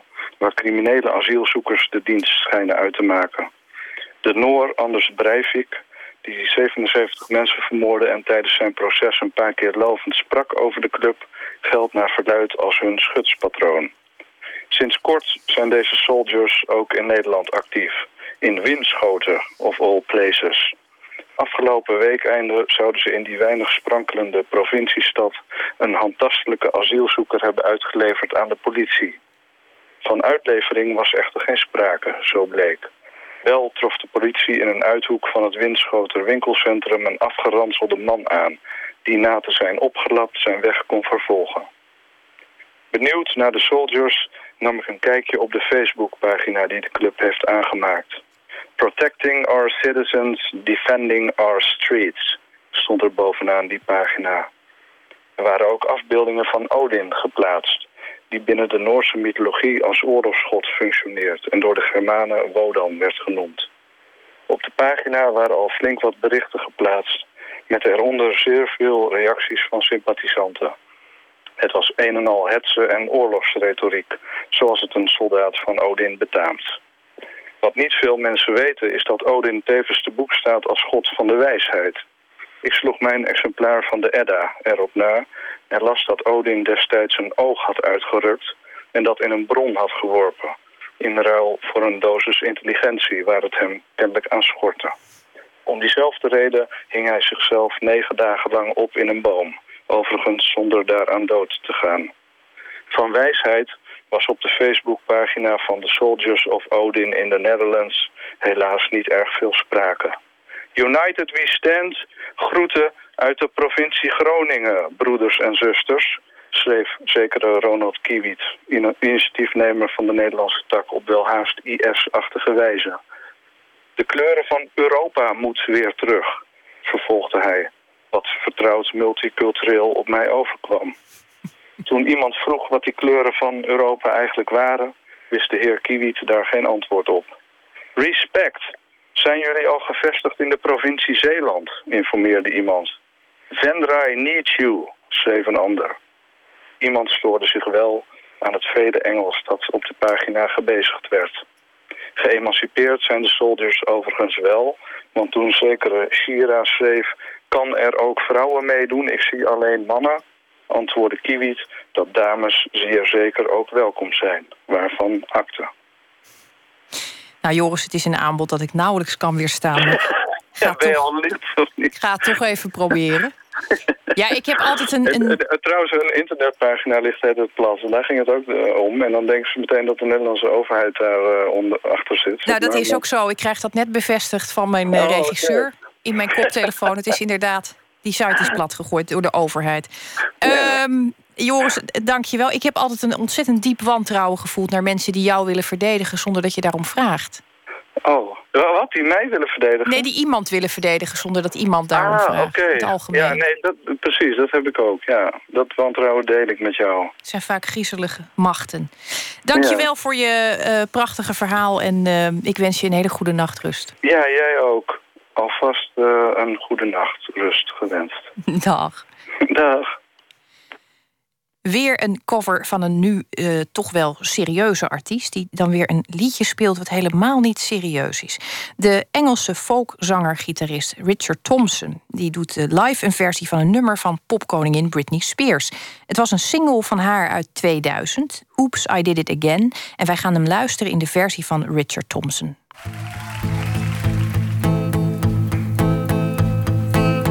I think I did it again.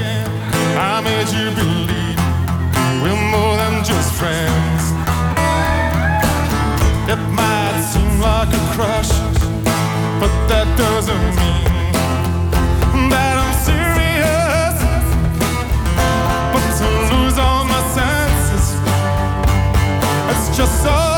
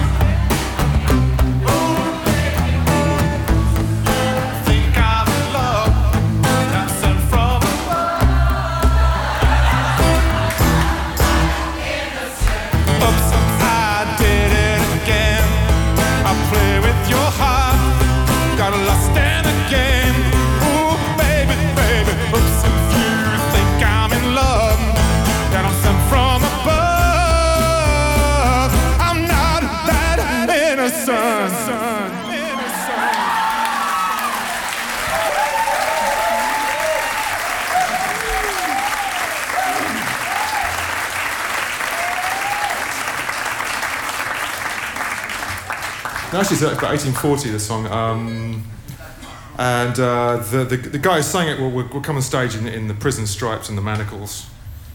You know, the Haggard expression. So um, um, feel free to boo during the song. Boo and hiss. You U could- hoorde Richard Thompson met de Britney Spears cover Oops, I Did It Again. Nooit meer slapen. Dan nu over Willem Elschot en oude reclamewandschilderingen in België. Want die twee hebben alles met elkaar te maken. Hier in Nederland hebben we de stichting Tekens aan de Wand... die met succes honderden vooroorlogse muurschilderingen beschermt... en de vervagende kleuren en contouren met frisse verf restaureert. Reclames voor Van Houten Cacao, Ranja en wat al niet.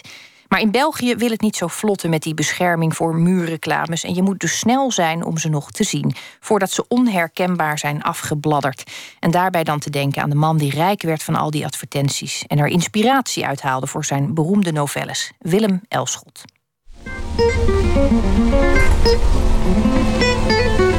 Meneer Elschot is het dwaallicht van 1946 uw laatst gepubliceerde werk. Ja, vriend, dat is wel degelijk het geval. Kijk, hoewel Willem Elschot, de schrijver, er al heel lang geleden mee uitschreef... En sindsdien hebt u niets meer geschreven? Niets.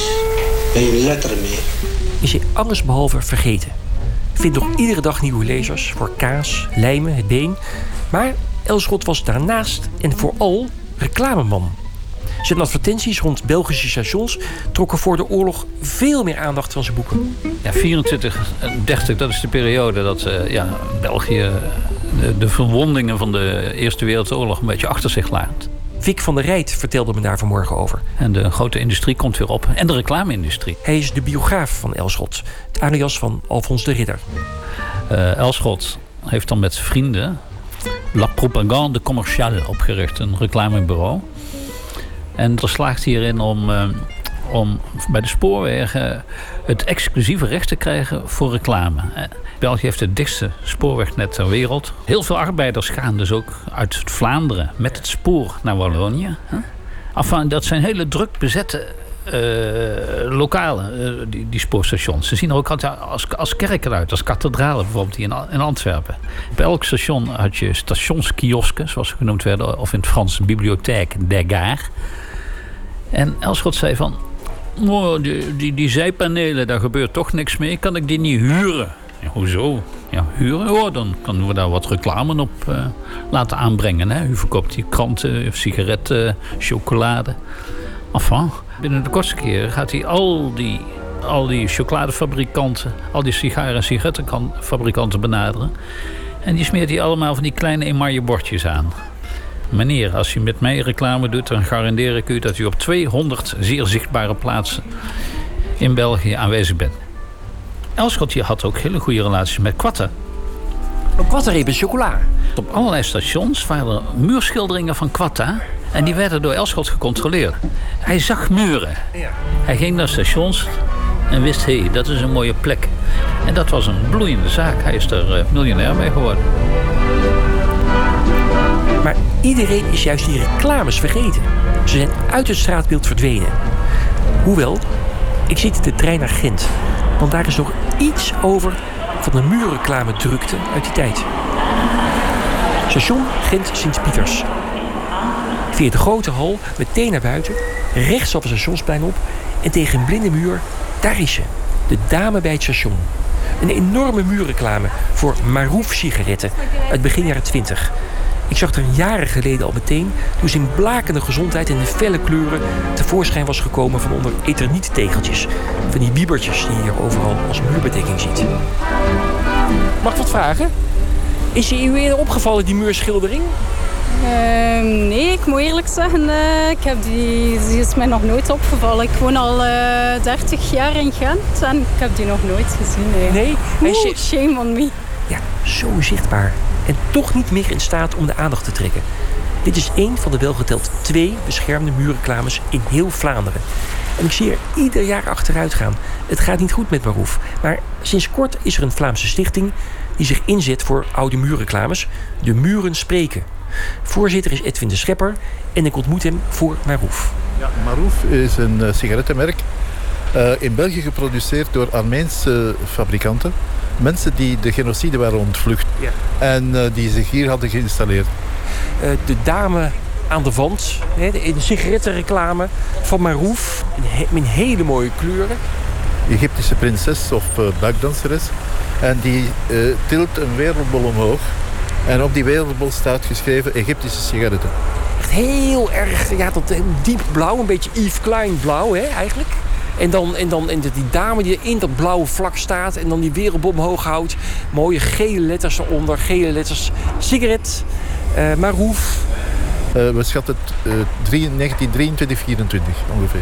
Uh, zij mikten duidelijk op het publiek van het station. Want het is voor, vooral zichtbaar van op de perrons. Ja. Het is niet zeker of Elschot ook te maken heeft gehad met de muurschildering Maroef.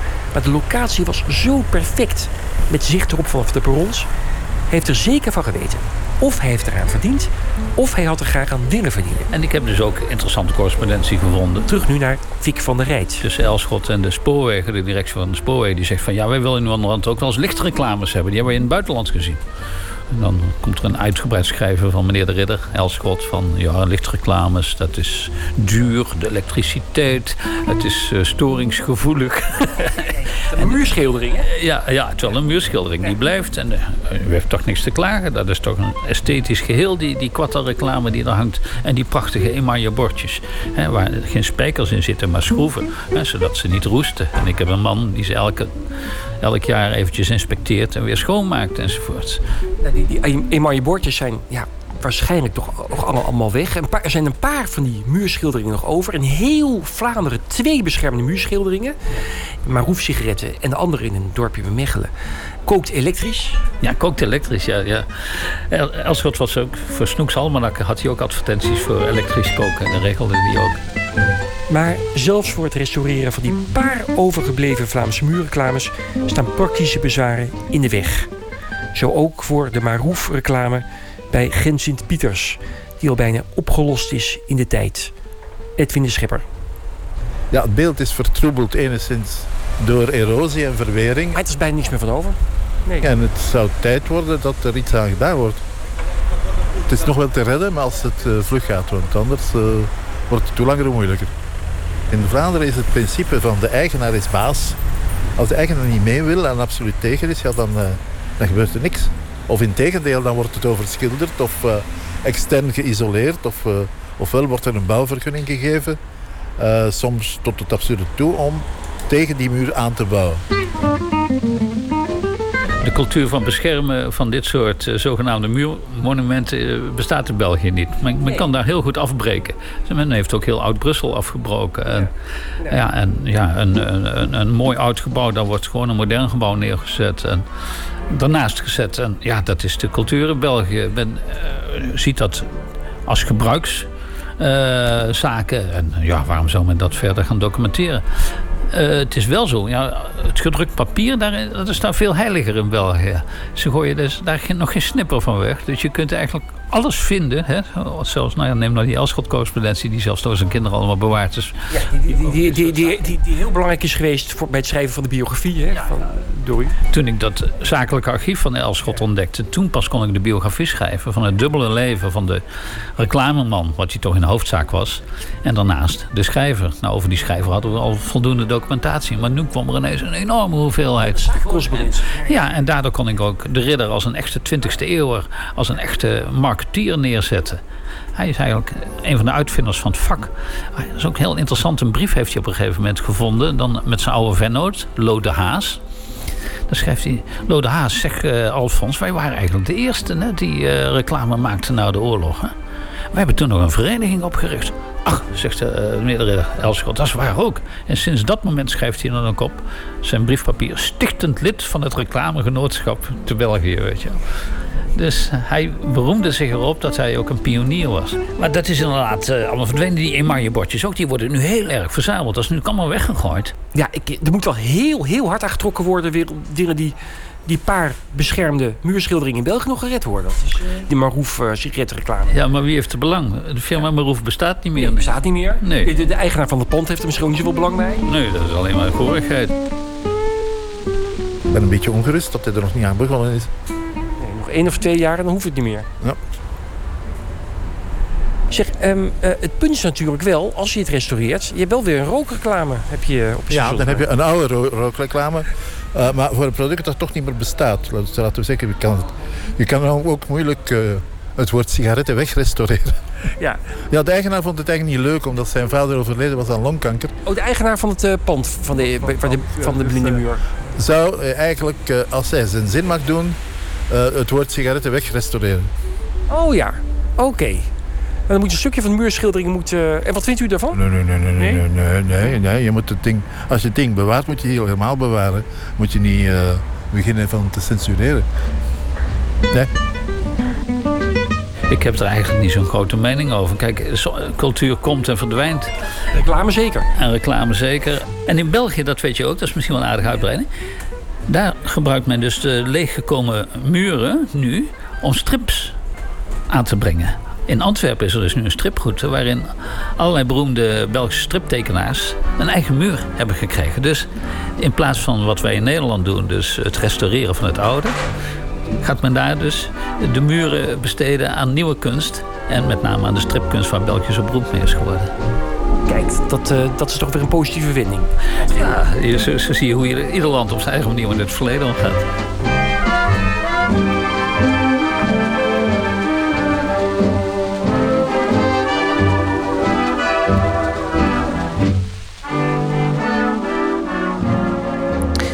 Hoorde een reportage van Marten Minkema in gesprek met Elschot-biograaf Fik van der Rijt en Edwin de Schepper, voorzitter van de Belgische vereniging De Muren Spreken. Die heeft grote moeite om reclamemuurschilderingen daar te redden. Voor meer informatie kunt u terecht op demurenspreken.be en dan leest u daar hoe ze het erfgoed van reclamemannen als Alfons de Ridder proberen te redden. Uit Australië komt de man die zich van de naam Chet Faker bedient. Hij maakt electro soul en maakte een eigen versie van het nummer van de boyband Blackstreet, No Diggity.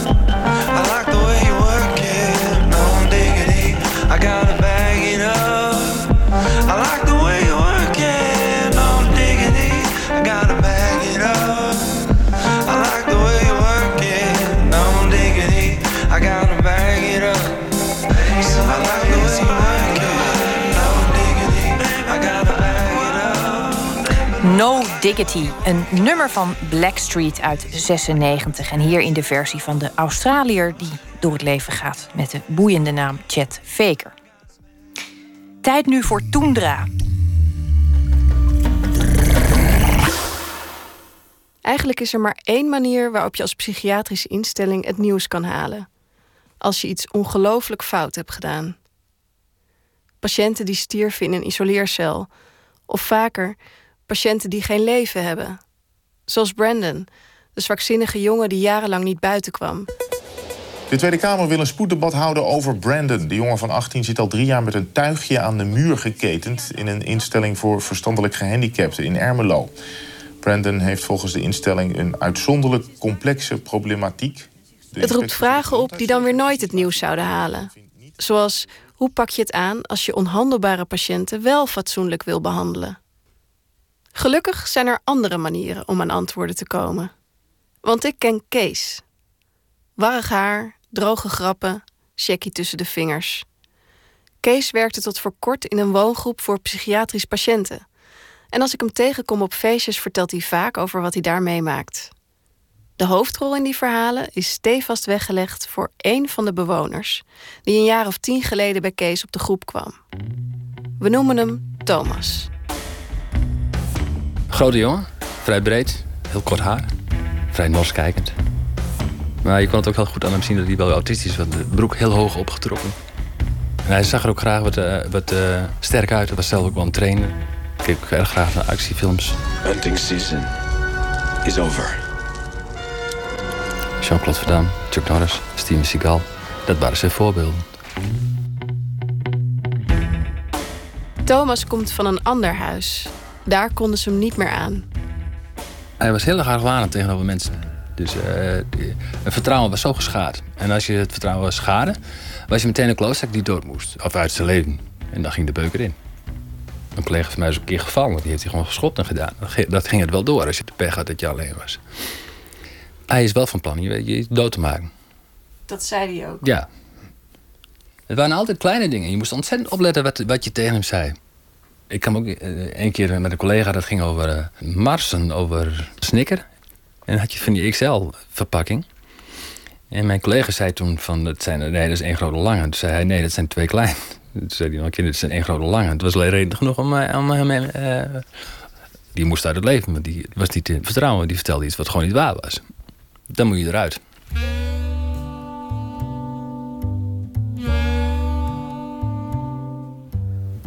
Wij gingen ook mensen gewoon controleren of het klopt.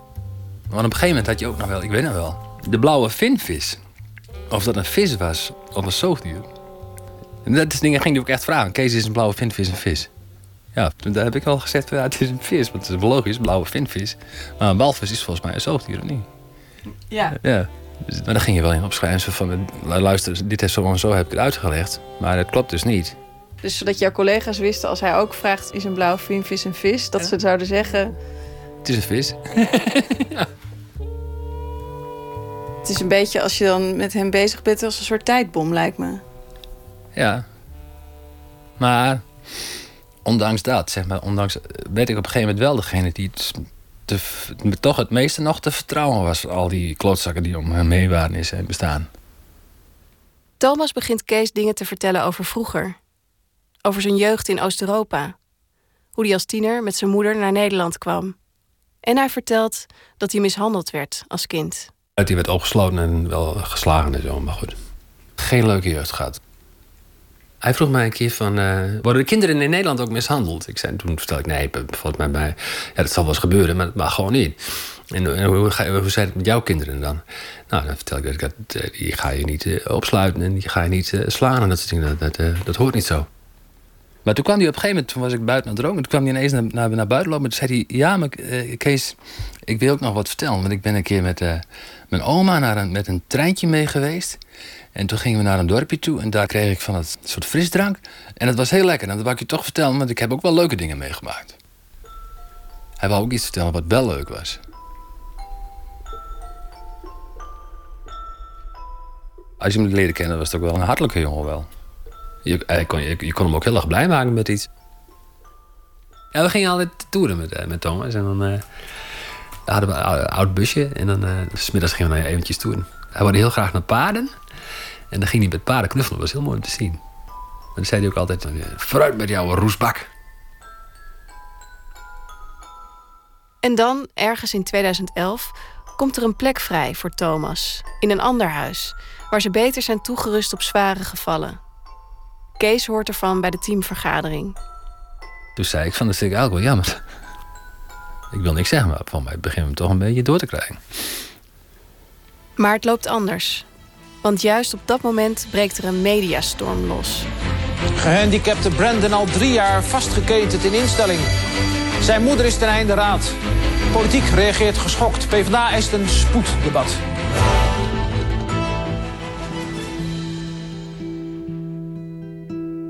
De plek die vrij was gekomen voor Thomas gaat naar Brandon. Thomas blijft. Kees is opgelucht. En een tijd lang lijkt het goed te gaan met Thomas. Want op een gegeven moment was die agressie richting het personeel werd al gewoon echt minder, zeg maar. Maar het probleem was dat het omsloeg naar hemzelf. Het is lastig om aan te wijzen waar het precies misging. Is het de herrie in huis? Het geschreeuw? Een van de bewoonsters heeft een crisis. Is het omdat Kees en zijn collega's minder aandacht hebben voor Thomas nu ze met deze vrouw bezig zijn? Of zijn het te vele wisselingen in het team? Hoe dan ook, Thomas is sneller somber. Bij de kleinste tegenslag gooit hij het bijltje bij neer.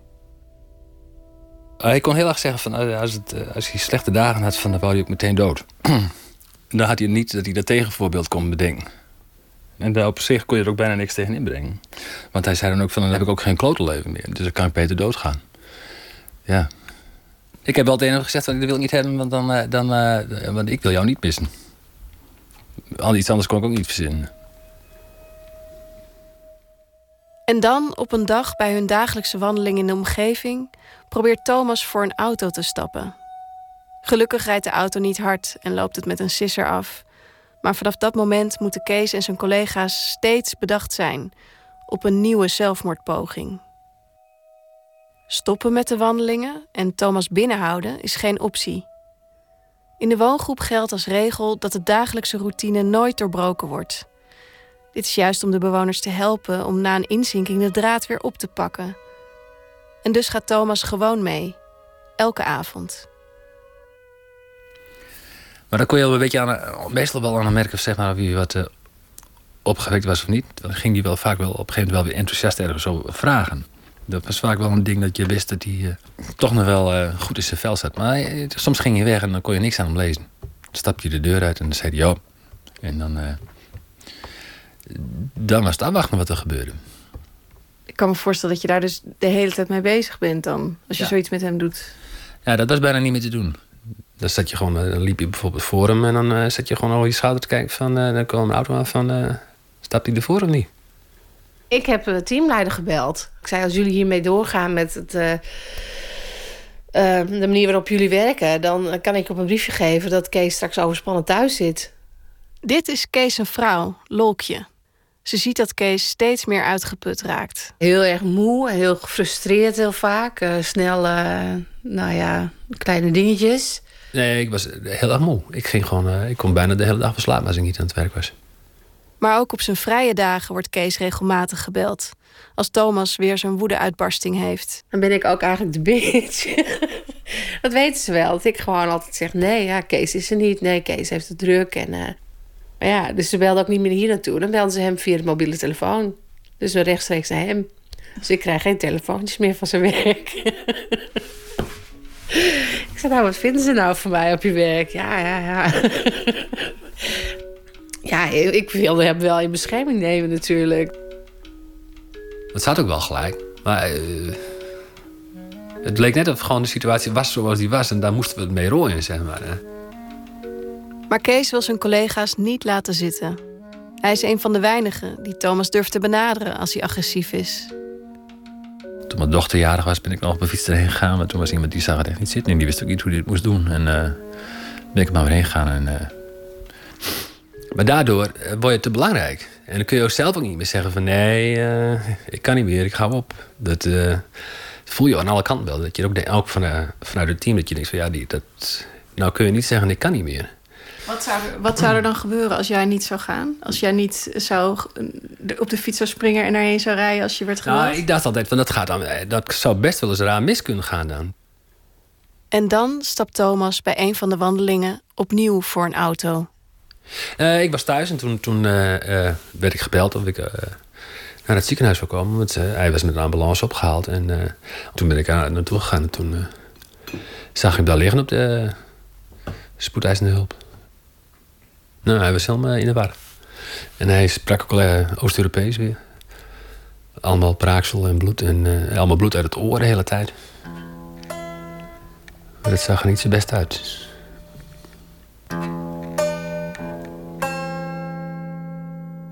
Thomas herstelt redelijk van zijn verwondingen. Maar hij heeft wel hersenletsel opgelopen, waardoor hij nog ongeremder is dan hij al was. Er wordt een andere plek voor hem gezocht. Niet lang nadat Thomas weg is van de woongroep, gaat Kees onderuit.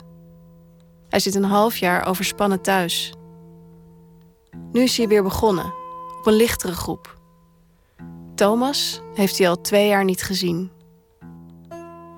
Het is gewoon wel een jongen die weer in de steek is gelaten. Wat zijn leven lang al gebeurd is. En wij hebben hem nou wel weer in de steek gelaten.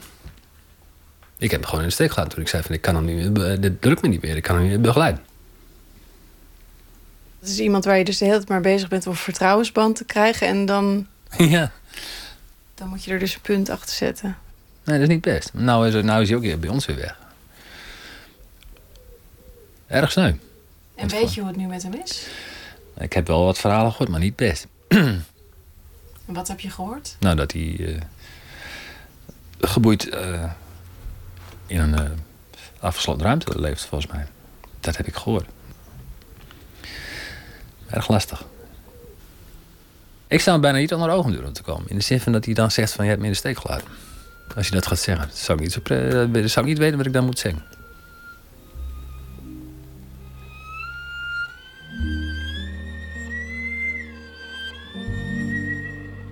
Ik kwam een andere collega tegen. Die was daarvoor heel erg met hem bezig. Toen zei ze ook zo van, eh, waar zit hij nou? Nou, daar en daar. Dan laat hem dan maar mooi zitten. Wat hadden we daar een boel ellende van? Niet normaal, man. We hebben daar een boel tijd en energie in gestoken voor niks. Maar daarvoor was ze gewoon ook heel erg begaan. En ook, hij heeft ook zoiets gedacht van, wat heb ik daar een tijd en energie in gestoken? Terwijl het gewoon eh, gedoemd was. eh. het lijkt wel allemaal gedoemd te zijn met hem. Je zegt het is mislukt, maar Zou je het ook kunnen omdraaien? Dat er eigenlijk heel veel gelukt is in die tijd? Wel, ja, dat kan ook wel. Omdat het zo moeilijk is met zo iemand om het superteam te hebben wat er altijd is. En zeg maar, die Ja, ja, ja. voorwaarden zijn bijna onmogelijk. Maar het is jullie een tijdje eigenlijk gelukt. Ja. Nee, dat was, ik vind het ook wel knap. Ik bedoel, wat we toen deden. We zijn met hem op vakantie geweest naar eh de Schelling. Dat was fantastisch. Dat zei hij dan ook heel vaak ook wel. Van, eh, een fantastische vakantie gedaan in de Schelling. Genoten.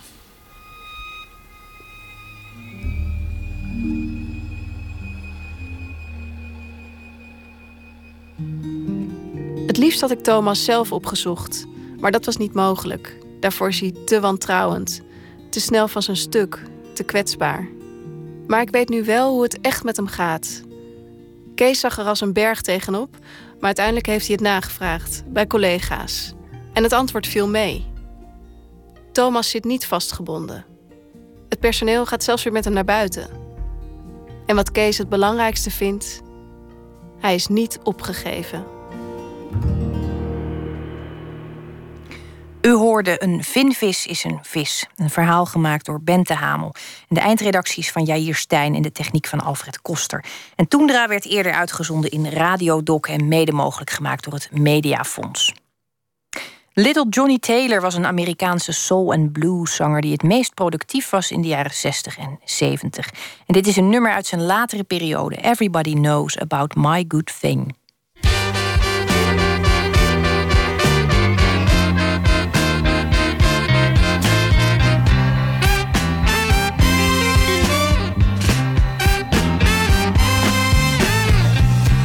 Was talking to the postman, and he mentioned your name.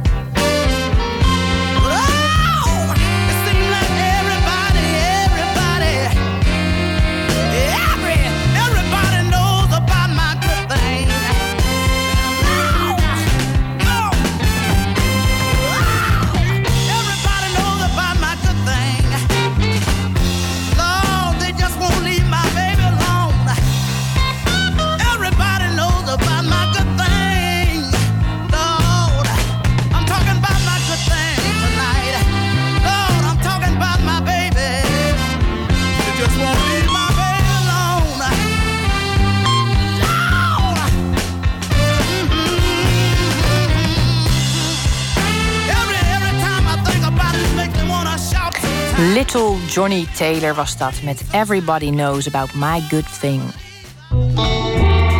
Nooit meer slapen.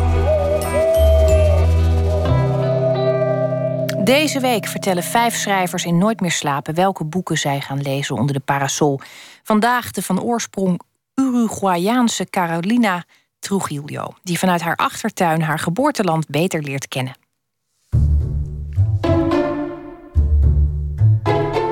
Ik ben nu net begonnen met ehm, een les voor het sterven van Ernest Gaines. Ernest G. Gaines. En ehm, daar ben ik net, net in begonnen. En, want je wilde dat ik iets tipte wat ik nog niet per se gelezen had. Dus die. En ehm, hoe ik dat kwam te lezen was... Ik heb eigenlijk een setje en die wil ik dan allemaal lezen. Het zijn vier boeken en die zijn van uitgeverij Bananafish. En ik kwam daarbij omdat ik, ze mij vroegen om een voorwoord te schrijven voor één van die boeken. En het gênante was dat het een Uruguayaanse auteur betrof die ik niet kende. En ik kom dus uit Uruguay. En hoewel Carolina Trujillo deze zomer niet naar Uruguay reist, leert ze haar geboorteland door de literatuur toch weer wat beter kennen. Het boek van, van Leverero, Mario Leverero. En De Plaats heet het in het, eh, in het Nederlands nu. Ik heb het gelezen en ik was verbaasd. Ik was echt helemaal van de wereld weer. Ik vond literatuur weer helemaal geweldig. Het boek dat ik niet... Nou ja. Ehm, eh, ja, weer herontdekt. De letteren met Mario Leverero. En, ehm, en dus wil ik van die mensen... Ik weet niet hoe, ze tussen, tu- dus hoe de uitgeverij tot de selectie is eh, gekomen. Want het is, ze, ze geven dus eh, boeken uit, uit andere talen... waarvan ze vinden dat die vertaald hadden moeten worden. Dus ik geloof ook dat het lemma is... oddly not translated. En... ehm, die boeken waarvan zij dus vinden dat die vertaald hadden moeten worden... hebben ze vertaald naar het Nederlands. En ik vond Leverero zo verbazingwekkend goed... dat ik hele hoge verwachtingen heb over die andere drie. Eh, en eentje is dus, die waar ik nu mee begonnen ben... is eh, een les voor het sterven.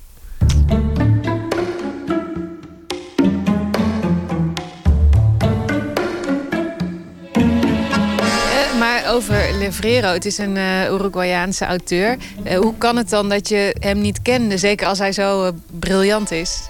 Ehm, omdat ik in Nederland ben al heel lang.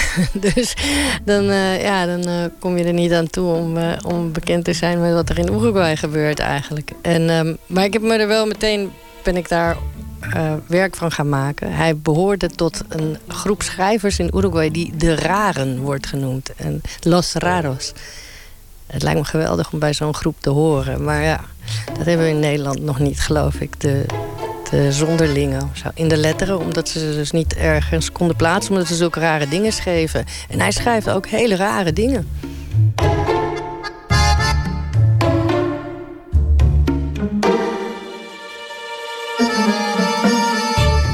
Er eentje, eh, één verhaal over een man die, eh, die wil zijn sigaret aansteken. En met een Zippo-achtige aansteker. En dan vliegt het wieltje eraf. En nou, dan gaat hij dat wieltje opzoeken in de, in- op de, in de vloerbedekking. Uiteindelijk eh, probeert hij hem er weer in te krijgen. Dat lukt niet. Dan pakt hij ene kleine schroevendraaiertje erbij. En het lukt niet. Pakt hij een iets groter schroevendraaiertje erbij. Er komt wel een stukje los van, van de aansteker. En nou uiteindelijk valt die hele aansteker uit elkaar. En hij pakt steeds grotere schroevendraaiers. Maar uiteindelijk, die aansteker begint ook groter te worden. Uiteindelijk zit hij in een gat en hij, verdwijnt half in die aansteker. En haalt er nog stukken uit. En eh, dat watten waar je het vlammetje mee aansteekt. Dus die aansteker die wordt ineens heel groot. En om door de kamer, om naar de- de andere kant van de kamer te gaan, moet hij door de aansteker. Eh, uiteindelijk vindt hij een zaklamp of zoiets. Nee, het eindigt hij, verdwijnt half in die aansteker. En uiteindelijk vindt hij een doorgang. En, en dan komt hij uit op de straat van de bedelaars... waar hij peuken kan kopen en een nieuwe aansteker. Nou, dat, dat, dat je, hoe, hoe je... En terwijl je het verhaal leest, moet je dus en lachen. En, en het is heel herkenbaar. En hoe, hoe die... Ik, ik, zou dan gaan zitten van... Ja, het is niet geloofwaardig. Dat kan ik niet doen. Zo. En eh, nou, hij komt daarmee weg. Dat vind ik mooi.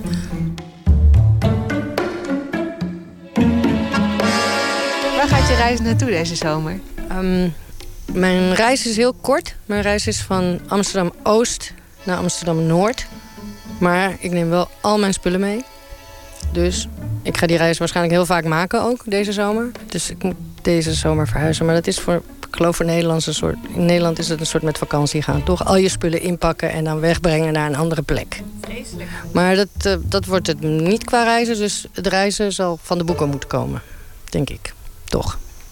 En ga je normaal gesproken wel op, eh, op vakantie in de zomer? Ehm, nou, ik ging altijd, ik, ik. Als ik wegga, ging, ga ik eigenlijk. Dat is het lot van, de, van een migrant. Je gaat gewoon naar waar je ouders zijn. Je gaat weer terug naar je thuisland. Dus je kunt dat bijna geen vakantie noemen, vind ik. Want nou ja, je gaat gewoon naar huis. zeggen we dan. Dus ehm, eh, ik, ging al, ik ben altijd naar Uruguay gegaan op vakantie, meestal. Dus. Ja, en met de- al deze internationale boeken kun je toch een soort wereldreis maken. Ja. Ja, klopt. Ja.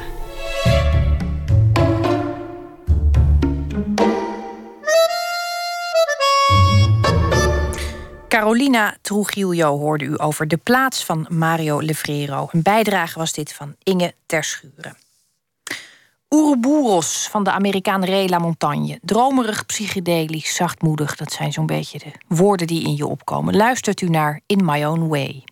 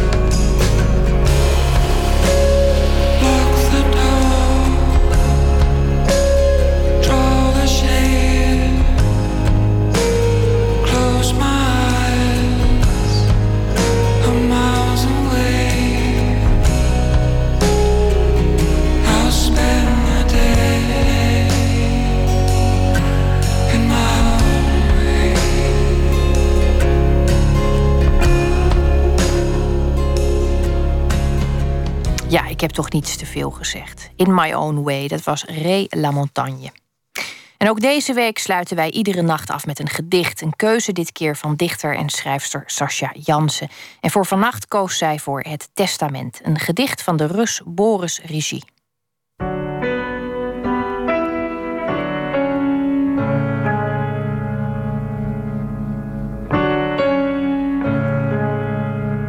Boris Rigi, of Boris Rougi, ik weet niet hoe je het uitspreekt, heeft twee dichtbundels geschreven. En de tweede heet Afscheid in Rusland. Ik heb daar iets over gelezen in de krant. Zijn levensverhaal boeide mij. En daarom heb ik zijn bundel gekocht. Hij heeft op 7 mei 2001 zelfmoord gepleegd. Op jonge leeftijd, 26 jaar. Een dag na mijn verjaardag. Zelfmoord fascineert mij. En ik herinner me dat ik in een interview met zijn vrouw las dat haar werd gevraagd: hoe doe je dat nou? Is het niet zwaar? En dat zij antwoordde: ja, het is zwaar, maar wie had beloofd dat het makkelijk zou zijn? Vanavond lees ik voor u het gedicht Testament. En wat mij heel erg trof, is dat hij schrijft in dat gedicht dat hij grammaticaal niet met het leven overweg kan en dat hij het woord analfabeten gebruikt. Ik heb zelf lesgegeven aan analfabeten en ik ken dat kruisje heel goed. Testament voor VS. We spreken af dat jij, wanneer ik sterf, een kruis laat zetten op mijn graf. Van buiten mag het eruit zien zoals alle kruisen. Maar jij en ik, mijn vriend, wij zullen weten dat dit mijn signatuur is. Net zoals analfabeten doen op formulieren, wil ik een kruis op deze wereld zetten. Een kruisje, want ik kon grammaticaal niet met het leven overweg. Ik heb mijn lot gelezen, maar het niet begrepen.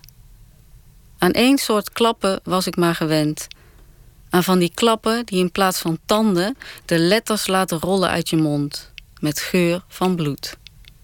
U hoorde Sascha Jansen met een gedicht van Boris Regie, getiteld Het Testament.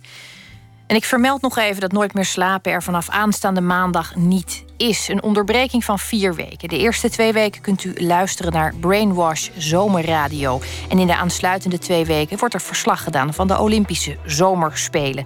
En op maandag 22 augustus melden wij ons weer. Tot slot nog iets over morgen. Dan komt Sophie Hardeman af. Ze studeerde uh, vorig jaar aan de Kunstacademie af, waar ze richting mode volgde. Zij komt praten over de manier waarop ze met denim omgaat. En dan zit Floortje Smit hier en die gaat met Sophie Hardeman in gesprek.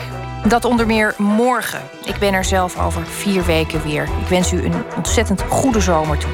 En voor nu een hele mooie nacht.